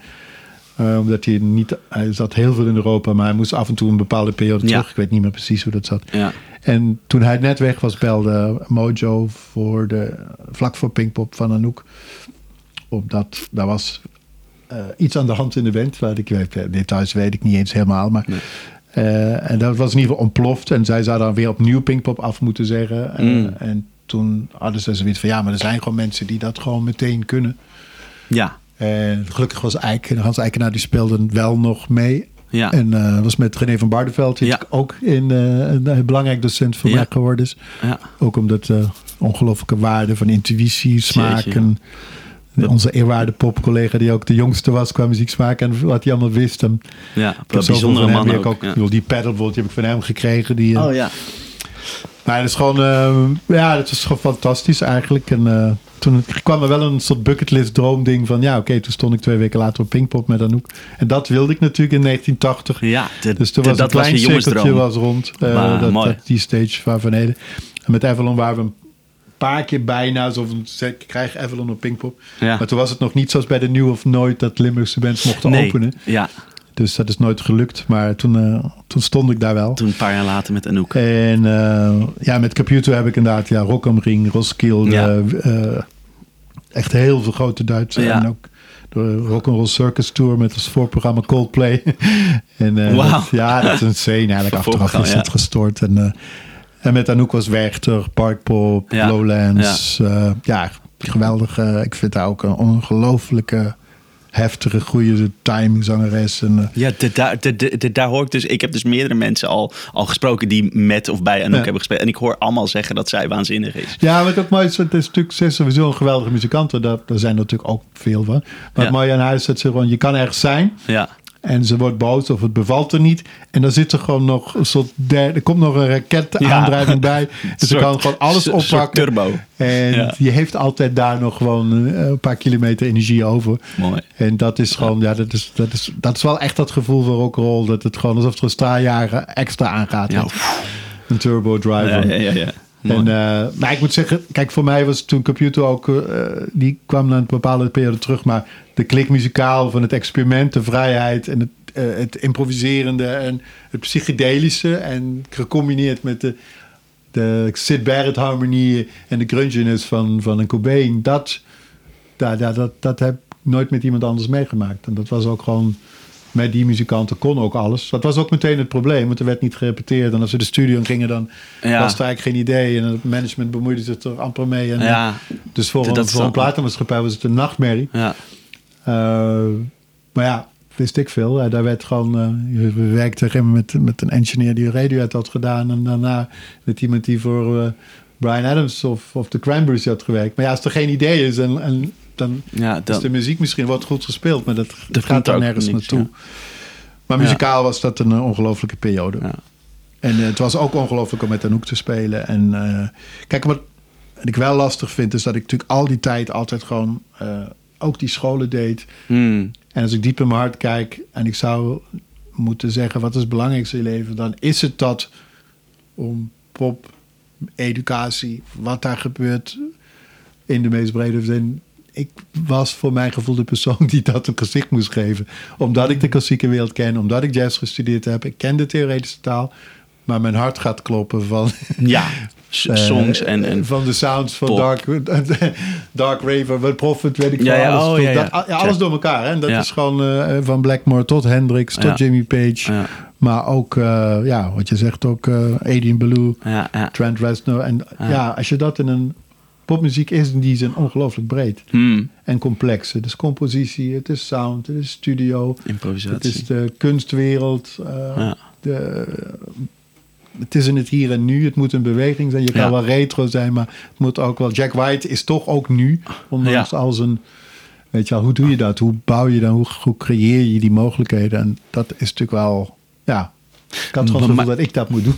Ja, ja dus, de, dus je hart lag uiteindelijk ook uiteindelijk toch wel bij dat, de, de- Ja, het is- die educatie. Het is allebei, maar ik, kan het, ik zou niet de hele tijd in een bus kunnen zitten en platen maken. Ja. En, en Dus noem het maar. zonder dat educeren. Dus, En ja, dat vond ik ook het moeilijk. Vind, eigenlijk ben ik heel geschikt om te toeren. En kan ik er ontzettend van genieten. Maar ik blijf ook gewoon bellen. En ze noemden me ook Pietje Bel. In die tijd was voor de Skype. Dus al mijn geld ging op aan flightcases eh, en aan, Ja. eh, aan, aan telefoonrekening. ja, Want ik runde gewoon die afdeling van, van het koorhuis. Ook Ja. als ik op tournee was. ja, Gewoon met alle uitvoeringen en alle dingen. Dus Ah. mensen vonden me ook gestoord. En dan schreef ik theaterarrangementen in de bus. En dan, eh, maar ook gewoon rock'n'roll en het feest. En daar hou ik ook van. Vanuit het zuiden, zeg maar. Gewoon, eh, ja, ik ben natuurlijk in een bandje gaan spelen, omdat het is leuk om in een bus te kruipen. Het is leuk om soundcheck, het licht, de rook, de bommen, het theater, de show. Dat zit er gewoon in. ja. En in die Spektakel. zin past ik gewoon niet in de, in, in de jazz. In de zin Nee. van, ik heb er heel veel respect voor. Ik vind het fantastisch, ook om te studeren. Ik ben een groot, groot bewonderaar, diep fan van een met Metheny, Schofield, Alan Holsworth, eh, heel veel fusion, Scott Henderson tot eh, ja, Wes en eh, de nogmaals. Maar ik begrijp niet om ergens aan te komen en dan te spelen en dan in te pakken. En dat, dat hele gedoe eromheen, dat hoort voor mij bij entertainment en muziek. En dat is het, ik vind het heerlijk om twee maanden in de studio te zitten. Ik vind het niet leuk om een album op te nemen in twee dagen. Dat is niet helemaal waar natuurlijk. Het is niet dat het niet leuk is, maar je gaat gewoon boetseren tot je iets hebt wat een soort sound statement is. En dat, ja, dat doe je niet in zo'n korte periode. Dat is een hele andere discipline. En je hebt mensen die graag sprinten, je hebt mensen die graag een lange afstand lopen. Dus Mhm. iedereen moet ook dat doen wat bij je karakter past. En, eh, en dat live spelen, ja, dat is heerlijk, want je bereikt stadia ja. waar je niet bij kan in oefenruimte of wat. Ja. Dat je, en dat mis ik wel heel erg. Dus ik doe nu vaak nog wel theatertours als het even Ja. kan en dan kort. En ja. Ja, nogmaals, vroeger sliep ik helemaal niet. En nu probeer ik dat wel een beetje te doen. Eh, het is een dubbel leven daar. Dat, eh, ik krijg kinderen en daar ben ik ook heel blij mee. En dat wil je ook niet missen. Mm. Je, Dus, maar ik heb dat wel heel lang eh, volgehouden. En nu is het gewoon wat eh beheerst. Ja. Maar als ik moet kiezen, kies ik voor educatie. ja. En dat is ook fijn om eh, voor jezelf te weten. Hè? Dat is Ja, ja, de- de- dat je daarbij, de- dat dat een soort... Ja, dat is niet eens bij neerleggen. weet- het is nee, echt een klopt. roeping. Het is echt mijn kindje. Het is echt... Ik weet wel als ik lezingen gaf van buiten... dat mensen dan zeiden... hoe heb jij het dan over? En wat moet dat dan? En hoe is dan? En ze dat na zijn afloop zeggen... ja, maar het is een way of life. Dit is ook... Dit is gewoon een, een belevenis, weet je? Dat je gewoon daarin... met wat we kunnen doen met de Oscars en de, de manuals. Het is ook echt... eh, samen iets neerzetten wat... Ja, het, het, de liefde voor sound, de liefde voor compositie... de liefde voor muziek als expressie... En ook de, de, de taal en de kunstdeel wat in onze opleiding zit. Dat, dat gaat veel dieper dan ook even een lesje geven. Of zo. Ja, Het is- ja maar, maar, maar, maar, maar, maar, maar de, de, de, de- het, het, het ding, het is ook iets, iets heel moois. En er is ook iets heel nobels in wat je weet om dat door te geven aan Ja. nieuwe, nieuwe, nieuwe jonge mensen, zeg maar. Ja, het is, ik, ik heb heel lang lesgeven over lesgeven. En het is, het is natuurlijk heel nobel. En het is ook heel fijn dat je gewoon iets kan geven. En dat is Ja. ook waar. Maar ik had toen vaak leerlingen die natuurlijk ook veel te jong waren... om dat soort statements voor zichzelf te kunnen maken. Ja. Zei, het is ook goed voor jezelf. Natuurlijk moet je een balans vinden. Aan de ene kan het... Moment dat je praat over dingen... Nou, stel dat wij nu over gitaar. Er gaat toch een energie stromen. Mhm. En je hebt diezelfde liefde. En die leerlingen hebben dat ook op een muziekschool. Ja. En ehm, dan gaat er iets gebeuren waardoor je bijdraagt aan hoe je met muziek hoort, hoe Ja. je muziek beleeft. En Ja. dat, die gaat weer een plaat kopen of gaat naar een concert. En, Ja. en daar, daar gebeurt iets. En het is ook heel. Als je, het is ook omdat mijn concentratie, net zoals hoor je mijn verhaal, het gaat alle kanten op. Dus dat gebeurt me ook als ik thuis zit. Mhm. Terwijl als ik met iemand, als ik jou iets zou moeten uitleggen over een bepaalde akkoordgang, ja, dan Ja, ben dan ik ben ook helemaal even- gefocust ja. daarin. En dan kan ik het ook beter spelen dan ooit. Ja. En dan is het ook op dat moment, eh, word ik gewoon enthousiast over muziek. En leer ik eigenlijk veel meer weer over, over jezelf. En hoe je beter wordt. En je- dat had me eigenlijk, ik denk niet dat me dat ooit gelukt was als ik niet vanuit... Ja, ik heb vanaf mijn 19, dus af mijn 16 geef ik heel veel gitaarles. Ja. Mensen kwamen bij mij, eh, UFO, Michael Schenker, live album. eh, kan je de track 3, track 5, weet je wel. Ja, hoor. Eh, ja, nou, dat moest ik ook wel oefenen. Maar Ja. bedoel, dat, dat ging dag en nacht door. En Ja. inderdaad, de stukken van Game Mode, de stukken van Van Halen. Ja. Dus op een gegeven moment had ik gewoon 16 gitaarleerlingen. Ja, dus ik zat ook te oefenen, uit te zoeken. En op de muziekschool, twee dagen in Den Haag, iedereen, de soundman van Anouk. De, ik, ik, ik zoveel jongens gitaarles gegeven, weet je wel. En ja, dat vond ik ook echt geweldig. En ook super talent erbij. Dus je, ja, je gaat je gewoon ontwikkelen. En dan kwam Mark Knopfler solo. Die Hmm. wil eh Hendrix, die wil dit. Dus je werd opeens heel breed. En, eh, en toen merkte je, ja, oh shit, ACDC. Ja, ik dacht vroeger dat het is... Maar eigenlijk kan, kan ik het eigenlijk helemaal niet spelen. Weet je? je wordt heel erg met de neus op de feiten. Dus hoe beter je luistert, hoe beter je merkt wat je te leren hebt. Hoe goed de sounds zijn. Hoe goed... Ja. En eh, ja, dat heeft voor mij in ieder geval heel goed gewerkt. En als iemand het niet leuk vindt, ja, dan kan die ook een ander carrièrepad in de muziek, in studio, theater. Ja, zo heb je allemaal je ding. Toch? maar je Ja. moet er wel tijdens zo'n opleiding daar wel aan ruiken, zeg maar. Omdat je natuurlijk eh, gewoon daar ook heel erg toe groeit, denk ik. Ja.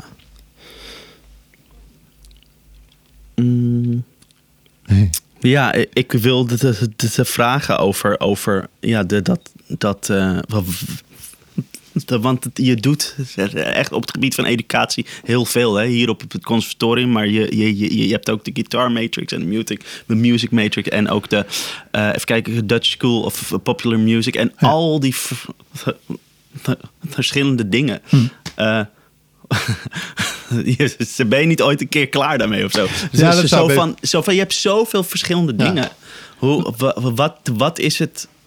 Nou ja, wat, wat ik, daar heb ik zelf ook veel van nagedacht. Ehm, veel dingen zijn ontstaan omdat ik vind dat ze moeten gebeuren. Kijk, Ja. Dave's OPM is natuurlijk ontstaan omdat ik ook vroeger in Den Haag hadden we de bandklas. Daar kwam ik Oscar tegen, Ruben die ook hier les geeft. Ja.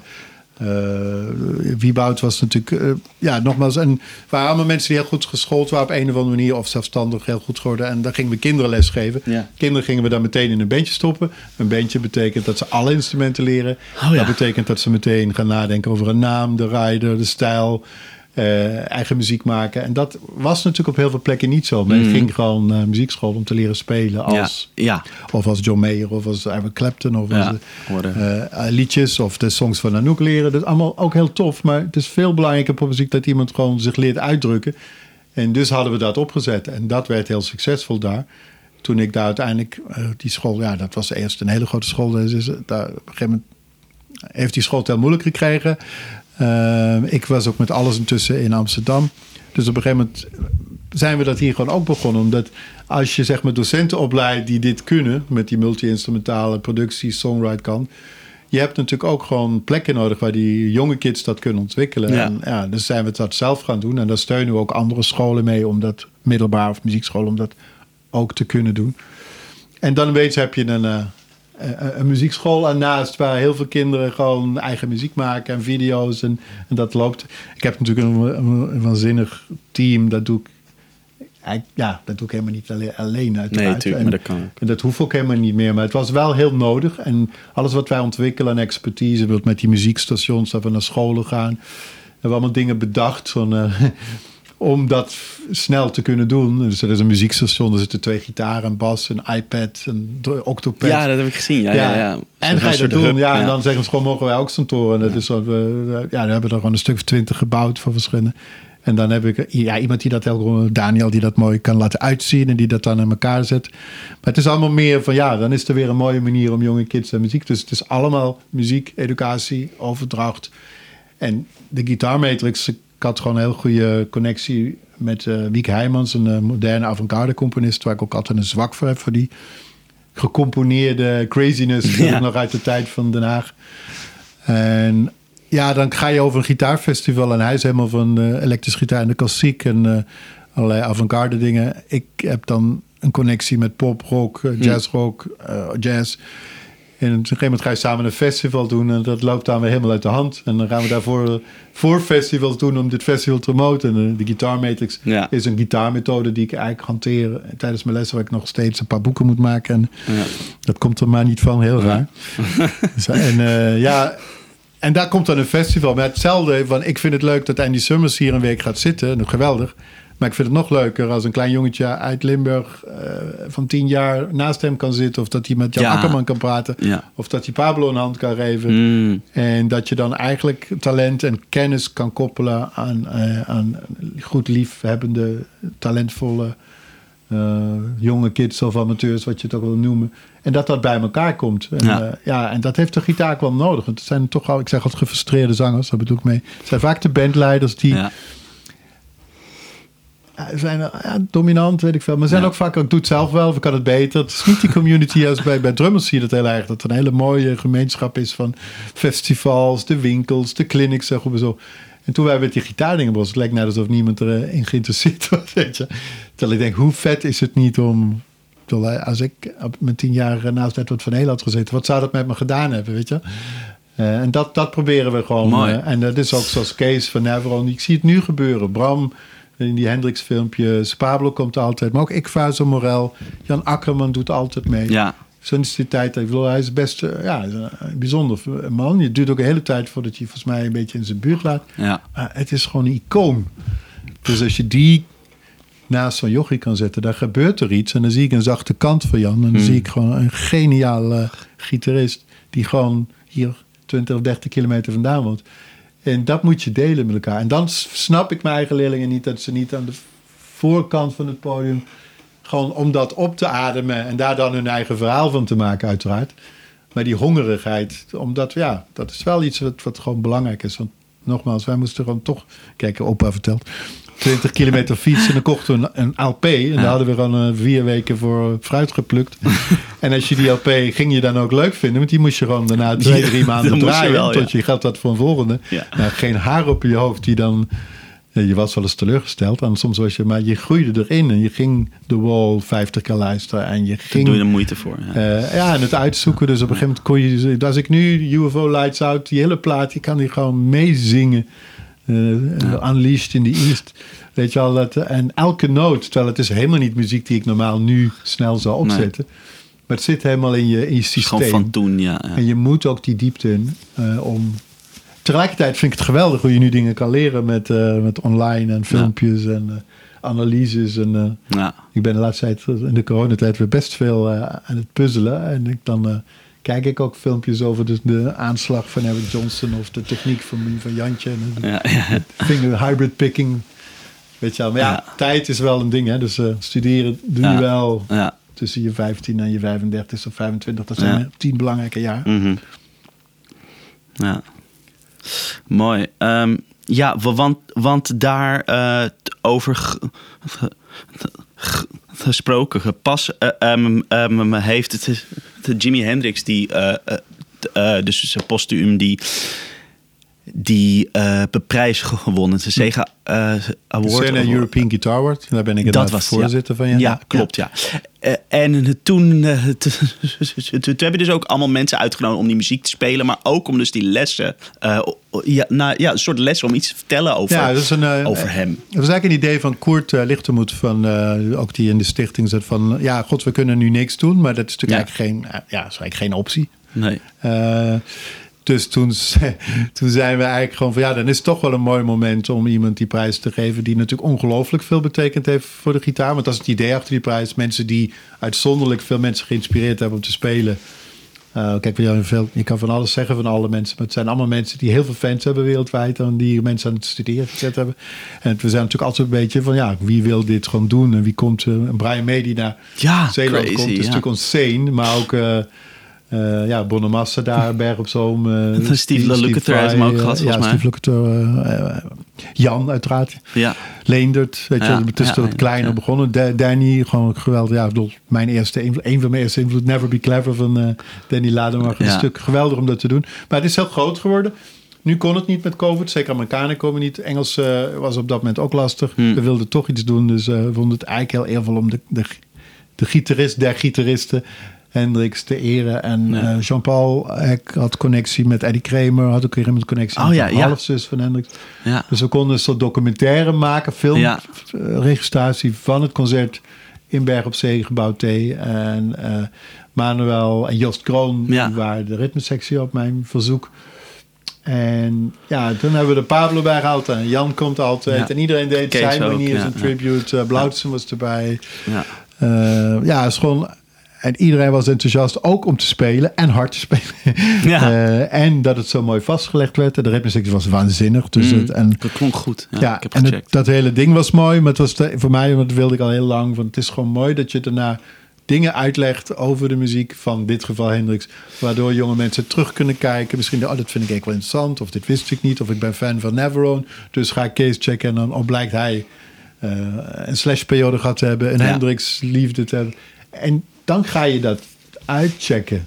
Ik, sommige mensen leren nu de blues via Bonamassa en gaan dan terug, omdat hij ook zegt wat hij gestudeerd heeft.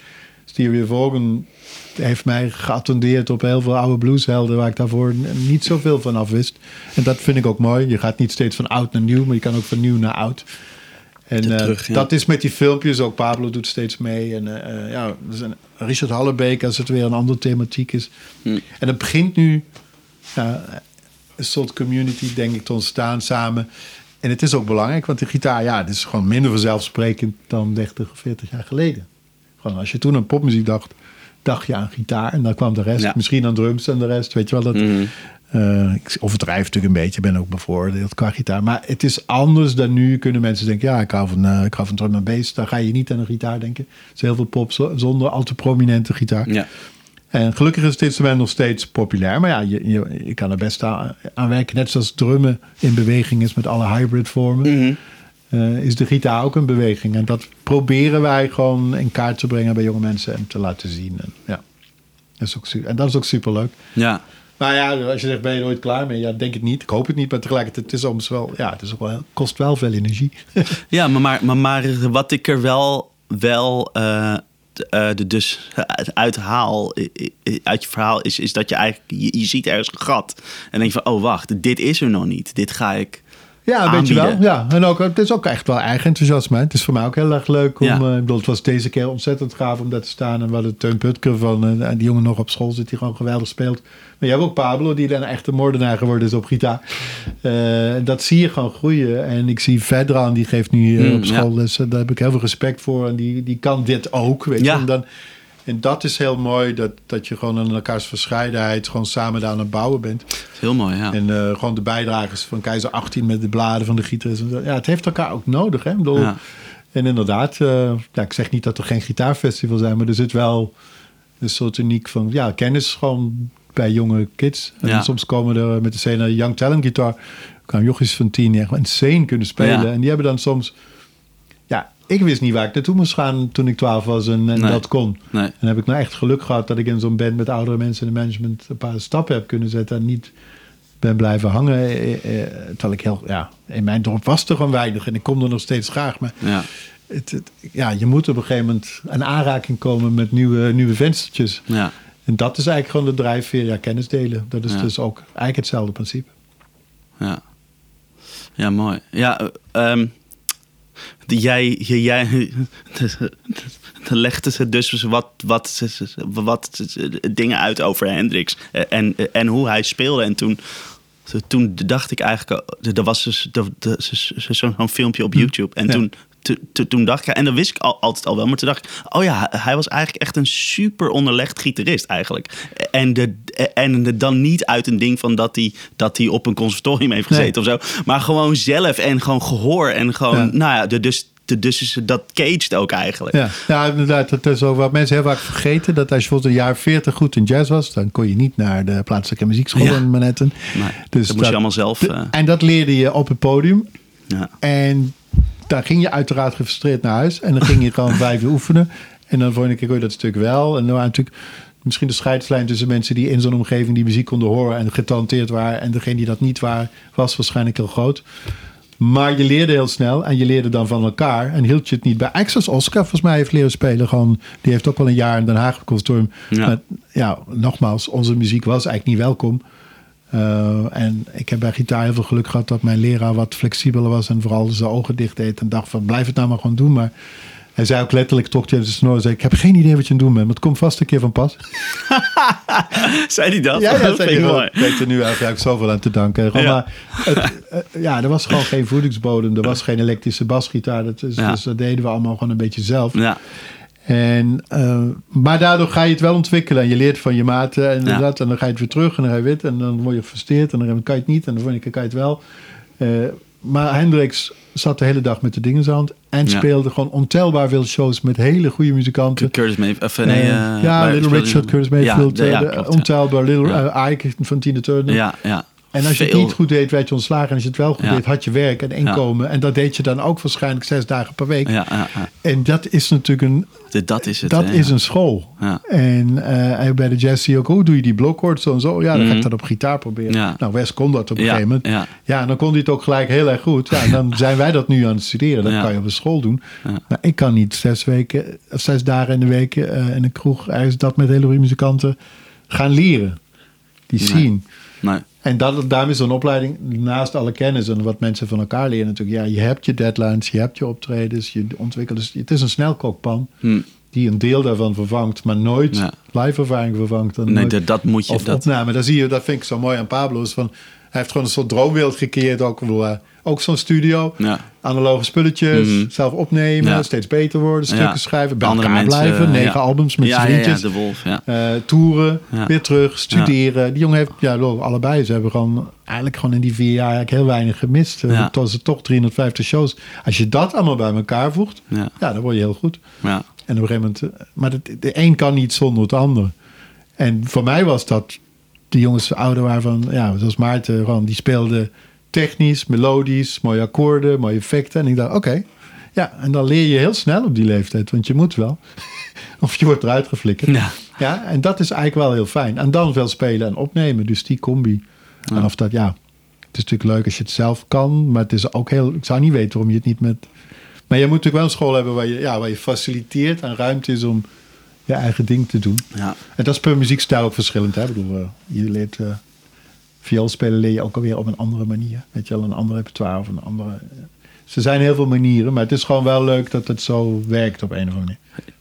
Ja, pop, dat werkt. Ja, dat, Hey. dat heeft gewoon een bepaalde. Pop, Ja, ik ja. denk het is hartstikke gaaf om dingen na te spelen. En dat is ook Ja. leerzaam. Maar het is niet zo dat het daarmee klaar is. Er zit niemand te wachten op een nieuw album van, van een nep eh, John De- van de, ja, nee, precies, ja. De, dezelfde. Een, een. Dat is gewoon, eh, weet je, dat is niet... je, je moet je eigen ding. Ja, of in ieder geval, het is belangrijk om er iets aan toe te voegen. Of een, een rol in een, ja, in een collectief te vinden wat, waar je onmisbaar bent. Of waar je Ja. een stempel, en of dat nou die productie is, of Ja. de songwriter, tekst, of, of, Ja.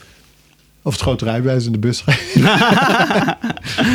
is ook handig. Ja. Eh, Oké, ehm, nog één vraagje. En dan vind ik het leuk om even naar de spulletjes over te gaan. Hm. Ehm, maar ja, de, dus die mensen die je hier zo ook les geeft. Of ehm, wat, wat wil je die meegeven? Je hebt het al een beetje gezegd, maar iets dus concreter of zo. Wat, wat is dus hetgene dat ze, ze, ze, ze, ze moeten weten of moeten kunnen Ja. om klaar te zijn voor... Ja, kijk, De- ik de denk grote dat, boze wereld. dat het allemaal... Naar, ja, ik denk dat het belangrijk is ook om... Het is natuurlijk een pittige wereld, maar het is ook een... Ja, om het naar boze wereld... Ja, ik weet niet, dat is een heel lang verhaal. Nee, ja. Ik snap het, maar... Ik denk dat het voor mij in ieder geval heel belangrijk is... dat je gewoon heel veel kennis vergaart, open staat... en zorgt dat je gewoon niet met je ogen luisteren. Ja, ja. Eh, en gewoon dat je gewoon ook deze tijd, als je dan eh, ja, aan bent, gewoon. Het is echt belangrijk om eigenwijs, eigenrij te zijn. Ik noem het altijd eigenzinnig. Maar zonder eigenwijs dat je dingen. ehm, nou, ja, dat je dingen afwijst waar je eigenlijk nog helemaal geen overzicht over hebt. Dus het is aan de ene kant heel veel leren. Met heel veel mensen weten, oh, die weet veel van dit en die weet veel van dat. En dat maak je straks je eigen stijl, je mix van. En je moet ook wel op een gegeven moment dingen naast je neerleggen. Dus het, als, als ik had geluisterd naar, ja, kan je ook gewoon gitaar spelen? Ja, dan was er ook niet zoveel gebeurd, weet je wel. Eh, dus dan moet je iets naast je neerleggen. Eh, maar tegelijkertijd, als je hoort van, nou, die man eh, weet echt idioot veel van akkoorden. Of die weet ontzettend veel van voice leading. Of die snapt contrapunt uit de middeleeuwen. Mhm, ja. En die kan twaalftonsreeksen maken. En, Ja, ja. Weet je wel, tuurlijk maak je je eigen keuze. Maar dat, daar, daar moet je voor open zitten. Daar moet je induiken. Dan Ja. moet je, eh, en ja, dat is alleen maar... eh, het is alleen maar leuk als je uiteindelijk omringt met interessante, goede muziek. ja. En dat zit in alle stijlen. Dat zit in alleen je, je moet niet naar, eh, naar pop luisteren met, met misschien. laat ik zeggen, het is belangrijk dat je het gehoor traint waarmee je begrijpt waar dit dat gemaakt is. Als je voor de eerste keer twaalf tons muziek hoort, ja, dan is dat heel moeilijk om. Op het moment dat je dat vaker doet en je gaat ermee in de slag, gaat, het, gaat er iets open. Ja. Dat geldt voor jazz, dat geldt voor Ja. klassiek, dat geldt voor wereldmuziek, dat geldt voor reggae, dat geldt voor symfonisch. En dat is natuurlijk heel erg lastig om op dat niveau. En je hoeft daar ook niet alles mee te nemen, maar het is wel goed om, om daar, ja. Als je naar van akkoorden houdt, ja, dan heeft het niet zo heel veel zin om eh India Sarakas te gaan luisteren. Als je heel veel voicings van harmonie hoort. Maar wil je prachtige melodieën, een buiging, eh, ritmiek, ja, dan, dan, dan gaat er een, een, universum voor je open. ja. En dat is gewoon heel erg. eh, ja, dat heeft bij mij ook lang geduurd. Toch? En, eh, maar het is wel goed. Dat proces is super fijn en ingewikkeld en, en, en, en boeiend. En dan blijf je ook een leven lang van muziek houden. En dan stopt dus het ook eigenlijk- gelukkig niet. Te- Dus eigenlijk, eigenlijk openstaan. Luisteren, ja. Luisteren, leren. En je ook de tijd geven. Dus dat je gewoon... eh, ja, het heeft me best lang geduurd voordat ik oesters lekker vond. Maar weet je moet het dan om de zoveel tijd maar weer eens proberen. Soms wat langer, of ik noem het maar spinazie. En, eh, Ja, dat is hetzelfde met muziek. Ja. Ja, nou ja, als kind hield ik zeker niet van spinazie. Maar nu ben ik er helemaal nu vind het van. heerlijk. Dus dat is heel... ik bedoel, en eh, ja, kijk, ik zeg op een gegeven moment ook wel... dat we ingewikkelde dingen doen bij pop en zo van... ja, het ligt er ook aan hoeveel publiek je wil hebben. Soms nu raak je je vrienden Tuurlijk, kwijt. Dat moet iedereen zelf weten. Maar het is niet erg om je in iets te verdiepen... en uiteindelijk te zeggen... eh, net zoals dat ik naar het conservatorium in eerste instantie gewoon weer... eh, Ja, gewoon eet- ja, rock wilde maken. Ja. maar dan, dan zit Ja. je daar jazz. Maar, maar goed, goed dan, dan weet je wat het is. Maar dan zeg je toch, oké, het is niet voor mij. Maar Nou, of die, je, je hebt het ja, wel. je neemt ja, nee, of wel mee. Natuurlijk. ik zeggen, ik heb ongelooflijk veel van... eh, van eh, ja, van, ik heb ontzettend veel dingen van Peppercini uitgezocht. Maar ook omdat ik wist, het zit op een heel ander vlak. Ik weet niet of ik nu... Ik had een keer een gesprek met Steve Vai en die zei op een gegeven moment van... Ja, ik had natuurlijk dat 9 uur, 10 uur studieprogramma. En hij zei op een gegeven moment... Ja, ik zou dat nou niemand meer aanraden. Ik heb zoveel tijd verknoeid. maar tegelijkertijd heb ik gezegd... Het heeft me ook weer zoveel gebracht. Ja, dat je ja. natuurlijk ook nooit weet... En ik merk nu, ik ben de laatste tijd weer heel erg sweeps aan het oefenen. En dat heb Mm. ik jarenlang bewust niet gebruikt. Ja, En dan heb ik zo'n fase en dan denk ik van ja, maar eigenlijk doordat ik dat dan toen kon, heb ik een soort manier van losheid met mijn plek. En Ja, dat ja, op een andere plek heeft helemaal mijn sound gevormd. En dat ik vroeger op een scalloped board speelde, dat heeft ook zoveel gedaan met een bepaald soort lichtheid en eh, dat Ja. niet te hard drukken en Ja. een toonding. En eh, alle tap dingen die hebben zo gezorgd dat ik de hammers en de pools en ja. ja. of het altijd zo efficiënt was, dat weet ik niet. Nee, waarschijnlijk niet. Maar Nou, goed, maar, maar, maar dus alles heeft uiteindelijk ook weer eh, eh, op andere vlakken een soort ja.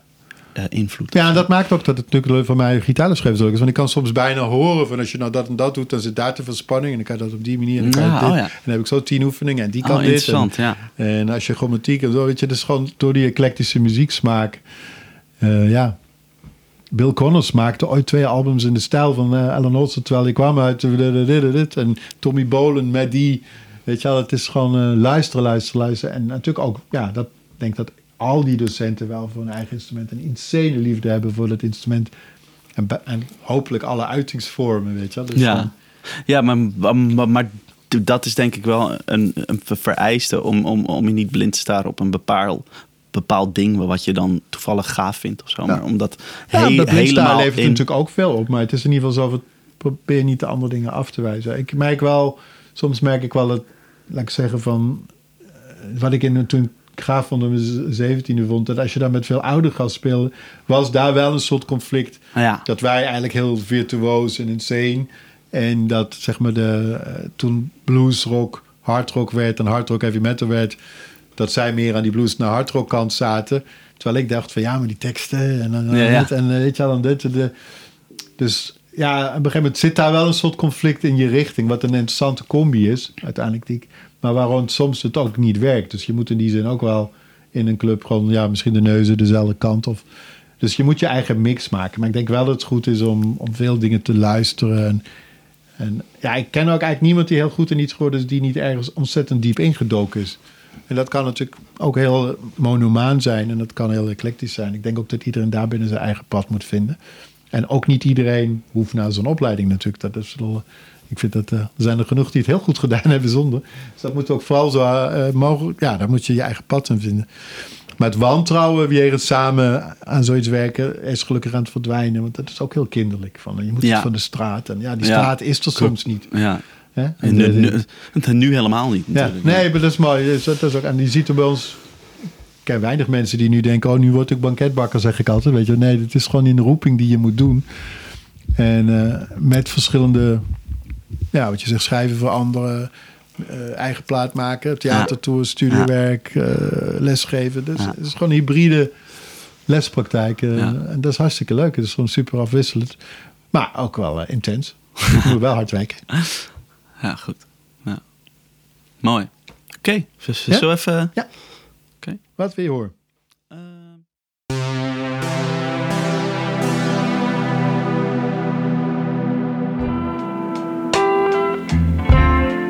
Dag lieve luisteraar. Vind je de Guitar Express podcast nou een toffe podcast en wil je hem graag steunen? Dat kun je doen door mee te helpen meer luisteraars te krijgen. Dit kan op verschillende manieren. Abonneer je via je favoriete podcast app, download de aflevering, geef een be- beoordeling en schrijf een review op iTunes. Op deze manier wordt de podcast meer onder de aandacht gebracht door het algoritme. We zitten ook op social media. Volg de podcast op Instagram en op Facebook op The Guitar Express Podcast. Like en deel de posts en vertel het aan al je vrienden. Als je ons wat directer financieel wilt steunen, kun je ook een The Guitar Express podcast t-shirt bestellen via de website. Ze zijn gemaakt van een duurzaam katoen en bedrukt hier in Utrecht. Ze zijn er in de kleuren gebroken wit en lichtgroen. Het organische katoen draagt licht op de huid en de shirts zitten heel lekker. Check de site www.theguitarexpress.com slash podcastshirt voor meer foto's en meer informatie.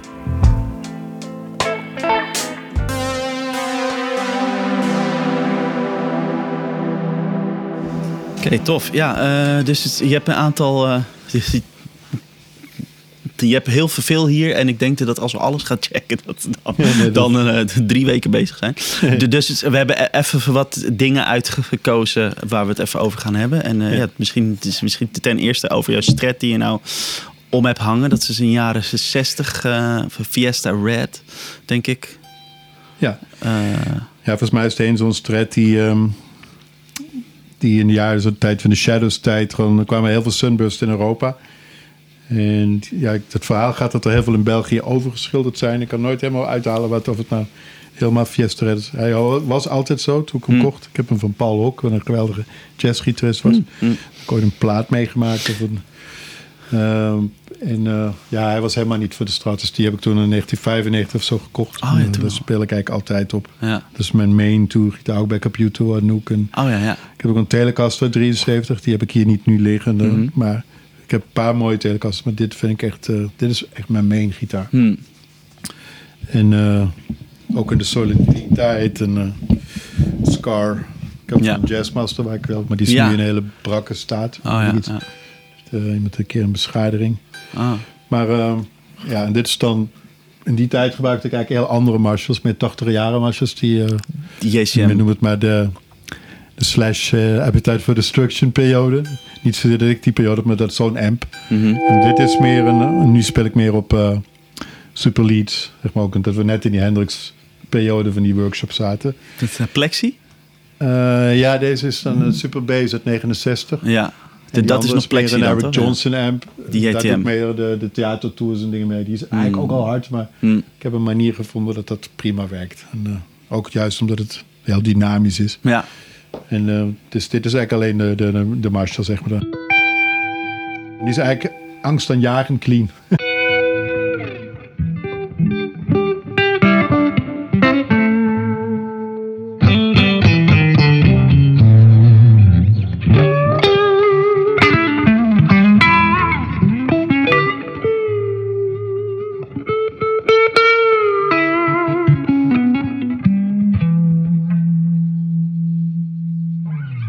Daar zitten dan verschillende stappen van gain. eh, Dat wisselt. Ik heb normaal gesproken altijd een MXR Plus. Die heb ik eigenlijk al vanaf 1980. Ja. Die zit er nu niet op. Ja. Maar die mis ik wel. Ik heb hem wel bij me, maar dat zou een beetje veel gedoe zijn. Hm. Ehm, en ja, dus dan...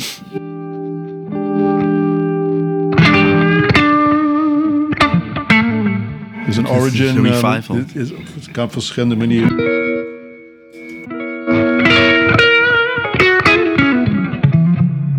Subtiele verschillen.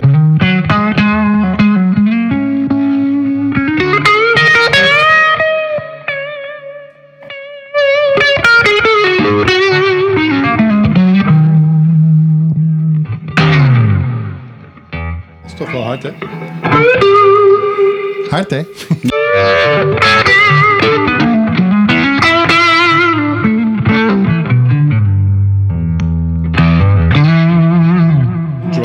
natuurlijk ook uit die Hendrix eh, dingen. Ja.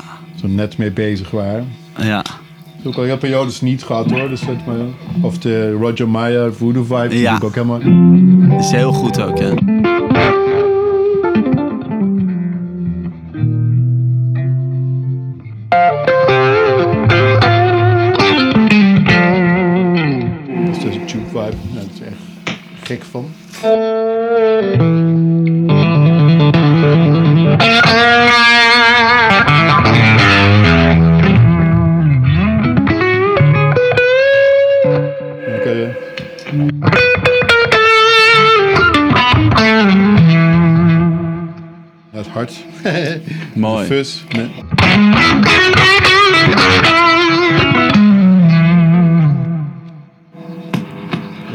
Een eh, andere fus. Dus die Isle of Fus.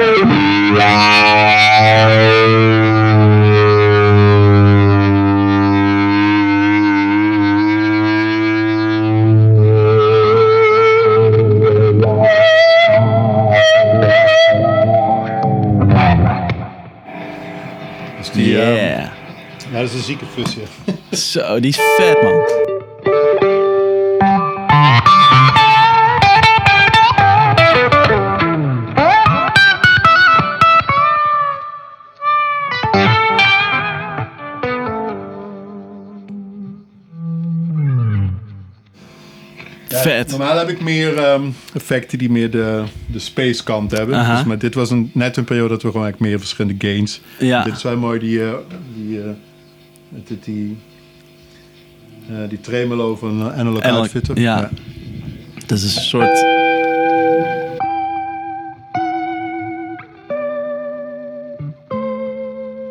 Het is de tremolo van een, van een Hammond. Ja.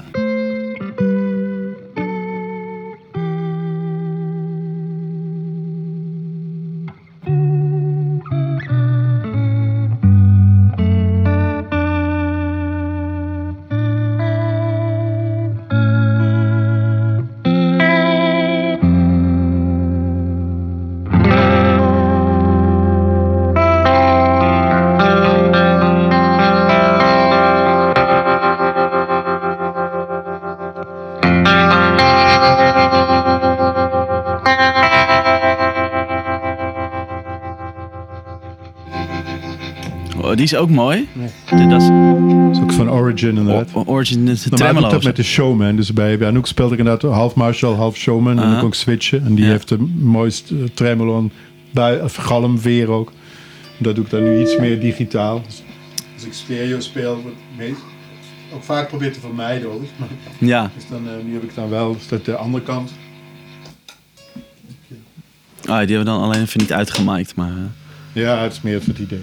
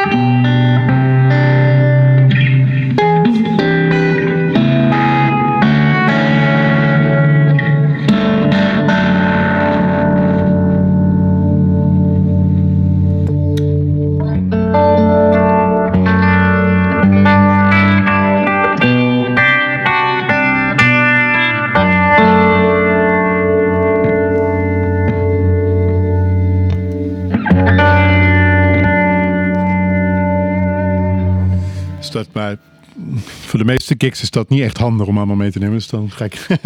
ja. En voor de theater toen had ik eigenlijk ook wel een hele andere soort meer spacey en delay aan Ja. het boord. Het ligt een beetje aan wat. eh, het is wel lastig dat je nooit echt. eh, je bent steeds aan het veranderen. ja, de hele tijd. eh, pe- Ja. Ik ga even die andere straat pakken. Ja. Weet je nog uit eh, welk jaar deze is? Deze, de, deze rode? 64. 64, oh ja. ja.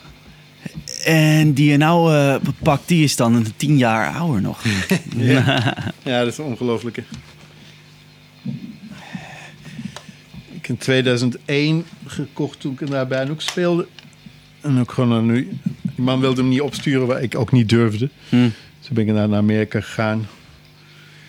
Dat kon toen eigenlijk best handig. En ik had een vriend die daar woonde in New York. En toen de trein naar Boston. Was super spannend. En, nog, ja, ik had nog steeds niet geloven dat hij eh, deze gitaar heb.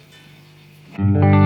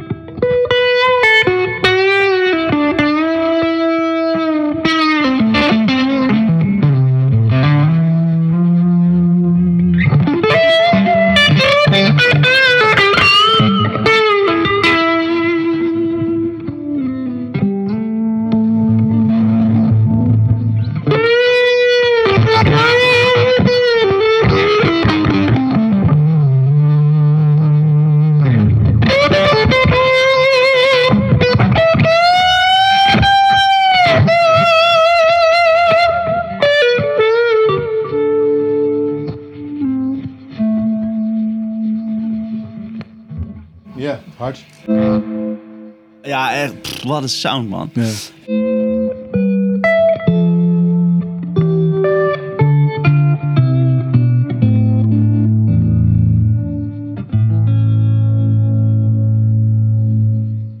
Snel clean weer. Het is Ja. allemaal kleine trapjes. Ja, het, het is mooi. Maar, maar die, die, die amp, die is, die is heel warm eigenlijk. Ja, het is een bass. Een 100 watt Oh, super ja. basversie. Oh, het is Ja. een su- super Ja. bass. Ja, check. heb ik een soort ox-ding ertussen, waardoor het volume Ja. ook lager ja, kan. Ja, ja, ja, ja. Die eh, Universal Audio, die Ja, die- die is goed, hè? Die werkt Ja, supergoed. Fantastisch, ja. Ja. En eh, wat wil ik nou? Eh, ja, volgens mij heb je best, de best wel een hoge actie op je gitaar, of Ja. niet? Ja. Ja, want je, je, je, je, bent aan het spelen en, en, Ja, en dat komt ik eigenlijk door die hele jazzperiode. Ik heb heel lang op, op 11 en 12 Ja, ja, ja. gespeeld. En eh, toen het plankje... Op die rode zit altijd 11. Maar Ja. dit is gek genoeg wel een 10, want dat werkt op deze gitaar. Maar Ja. de, de snaren liggen hoog. En dat zie je ook vaker zien bij... bij eh, ja, de, de, de toon wordt dan toch beter. Maar dat maakt het ook lastiger om... Ja, dat, zeg maar de shredkant ja dat zou is je dan, dan... minder snel doen. Maar Ja, dus je gaat gewoon ook anders spelen door de instrumenten. Wat ik ook in het begin zei. ja. Ik heb laatst mijn, eh, mijn, mijn, eh, mijn paarse monstergitaar uit eh, ja, 80 wel op laten knippen. En dan kom je ook snits weer in dat. Er zit dan een kaler op. En dan is het een heel andere vibe Ja. van spelen. Ja. Dat is echt, Ja. echt gewoon een race dan eigenlijk. Ja. En als je naar die, ik weet niet of die een beetje te stemmen valt, maar die 70 strat, die heeft weer een heel ander karakter. En de, deze is begin jaren 70 volgens mij, hè? Ja, ik denk zelfs oh, 74, zei Oh, iemand, maar misschien drie. Iets laat. Een beetje... Je zag bij eh, die intro van Anouk van Nobody's Wife... dat ik een, ook een strat uit de 70s geleend Hm. van een vriend van mij, Gijs. Ook omdat die hebben gewoon een ander soort hoog. Meer dat noemen we Chicle Freak hoog. Dat was wel een hele goede gitaar ook. Hm. En daar kon ik eigenlijk met die verschillende pickups... kon ik die Nobody's Wife intro goed spelen. Ah. Omdat mijn eigen gitaar daar gewoon echt te veel laag voor had. Ja, die, die was te- te warm, zeg maar. Precies. En, eh, en, eh, en dit was een soort crispiness. En zeker met meerdere loops over elkaar, wat ik die intro toen deed. Ja. Is wel eh, een mooi filmpje van het Pinkpop ding. Hm. Ik heb hier voor het Hendrix project ook echt even de Hendrix snaar opgezet. Ja, Een hele dunne want snaar, deze dat was staat wel- ook lager, hè? Ja, dus het is en met dunne snaren en omlaag. En Oh, dat ja? had ik nooit gedacht dat dat zo goed werkt. Maar dan krijg je weer inderdaad veel meer weer iets wat...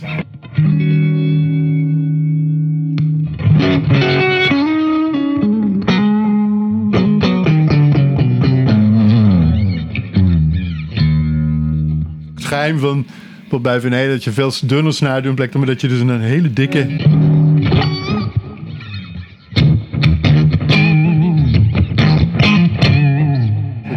Bang, het knalt ja. is zo gek.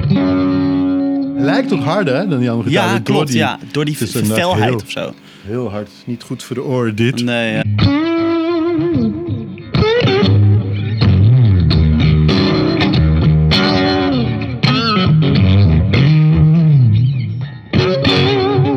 Boeddha-gitaar van... eh, van eh,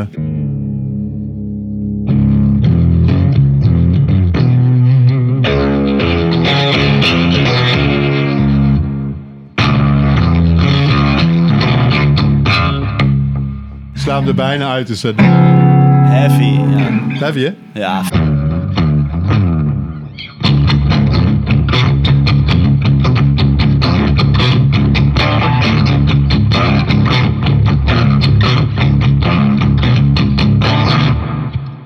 was trouwens wel die rode gitaar die waar ik daarop speel. Ja.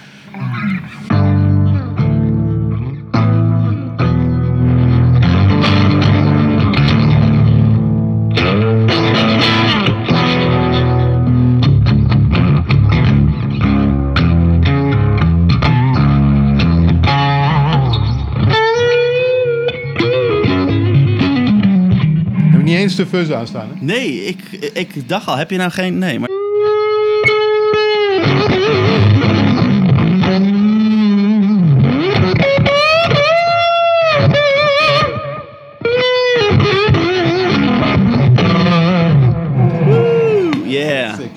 Vet, ja. bij de deze moet ik ook een beetje denken aan eh, Mike Landau in zijn, zijn ruigere tijd, zeg maar. Dat is ook een held natuurlijk. Hè? Ja, ja, ja, ja. Mooi man, jeetje. Echt vet. Maar dat, dat is ook mooi gewoon. Ja, die, die, die MC moeten ook hard gewoon. Dat is het gewoon. Dat, dat, dat is zo'n ervaring dan of zo. Ja. Dat is mooi. tof. Ja, eh te- dankjewel hier, hiervoor, eh, Jack. Leuk dat je, dat je dit wilde doen. Ja. En ehm, ja, tof. Dankjewel ook voor de, voor de mooie belangstelling. Ja, nou ja, goed. eh, the, the, the pleasure is all mine. Maar dankjewel. Ja.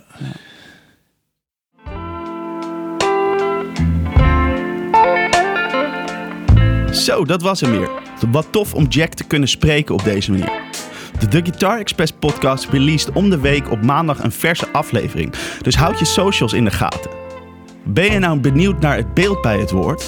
Op de website en de Instagram en Facebook staan foto's van de gear van alle gasten. Dus volg ons op The Guitar Express podcast op Instagram en Facebook. Of check de site www.theguitarexpress.com slash podcast. Thanks voor het luisteren en tot de volgende.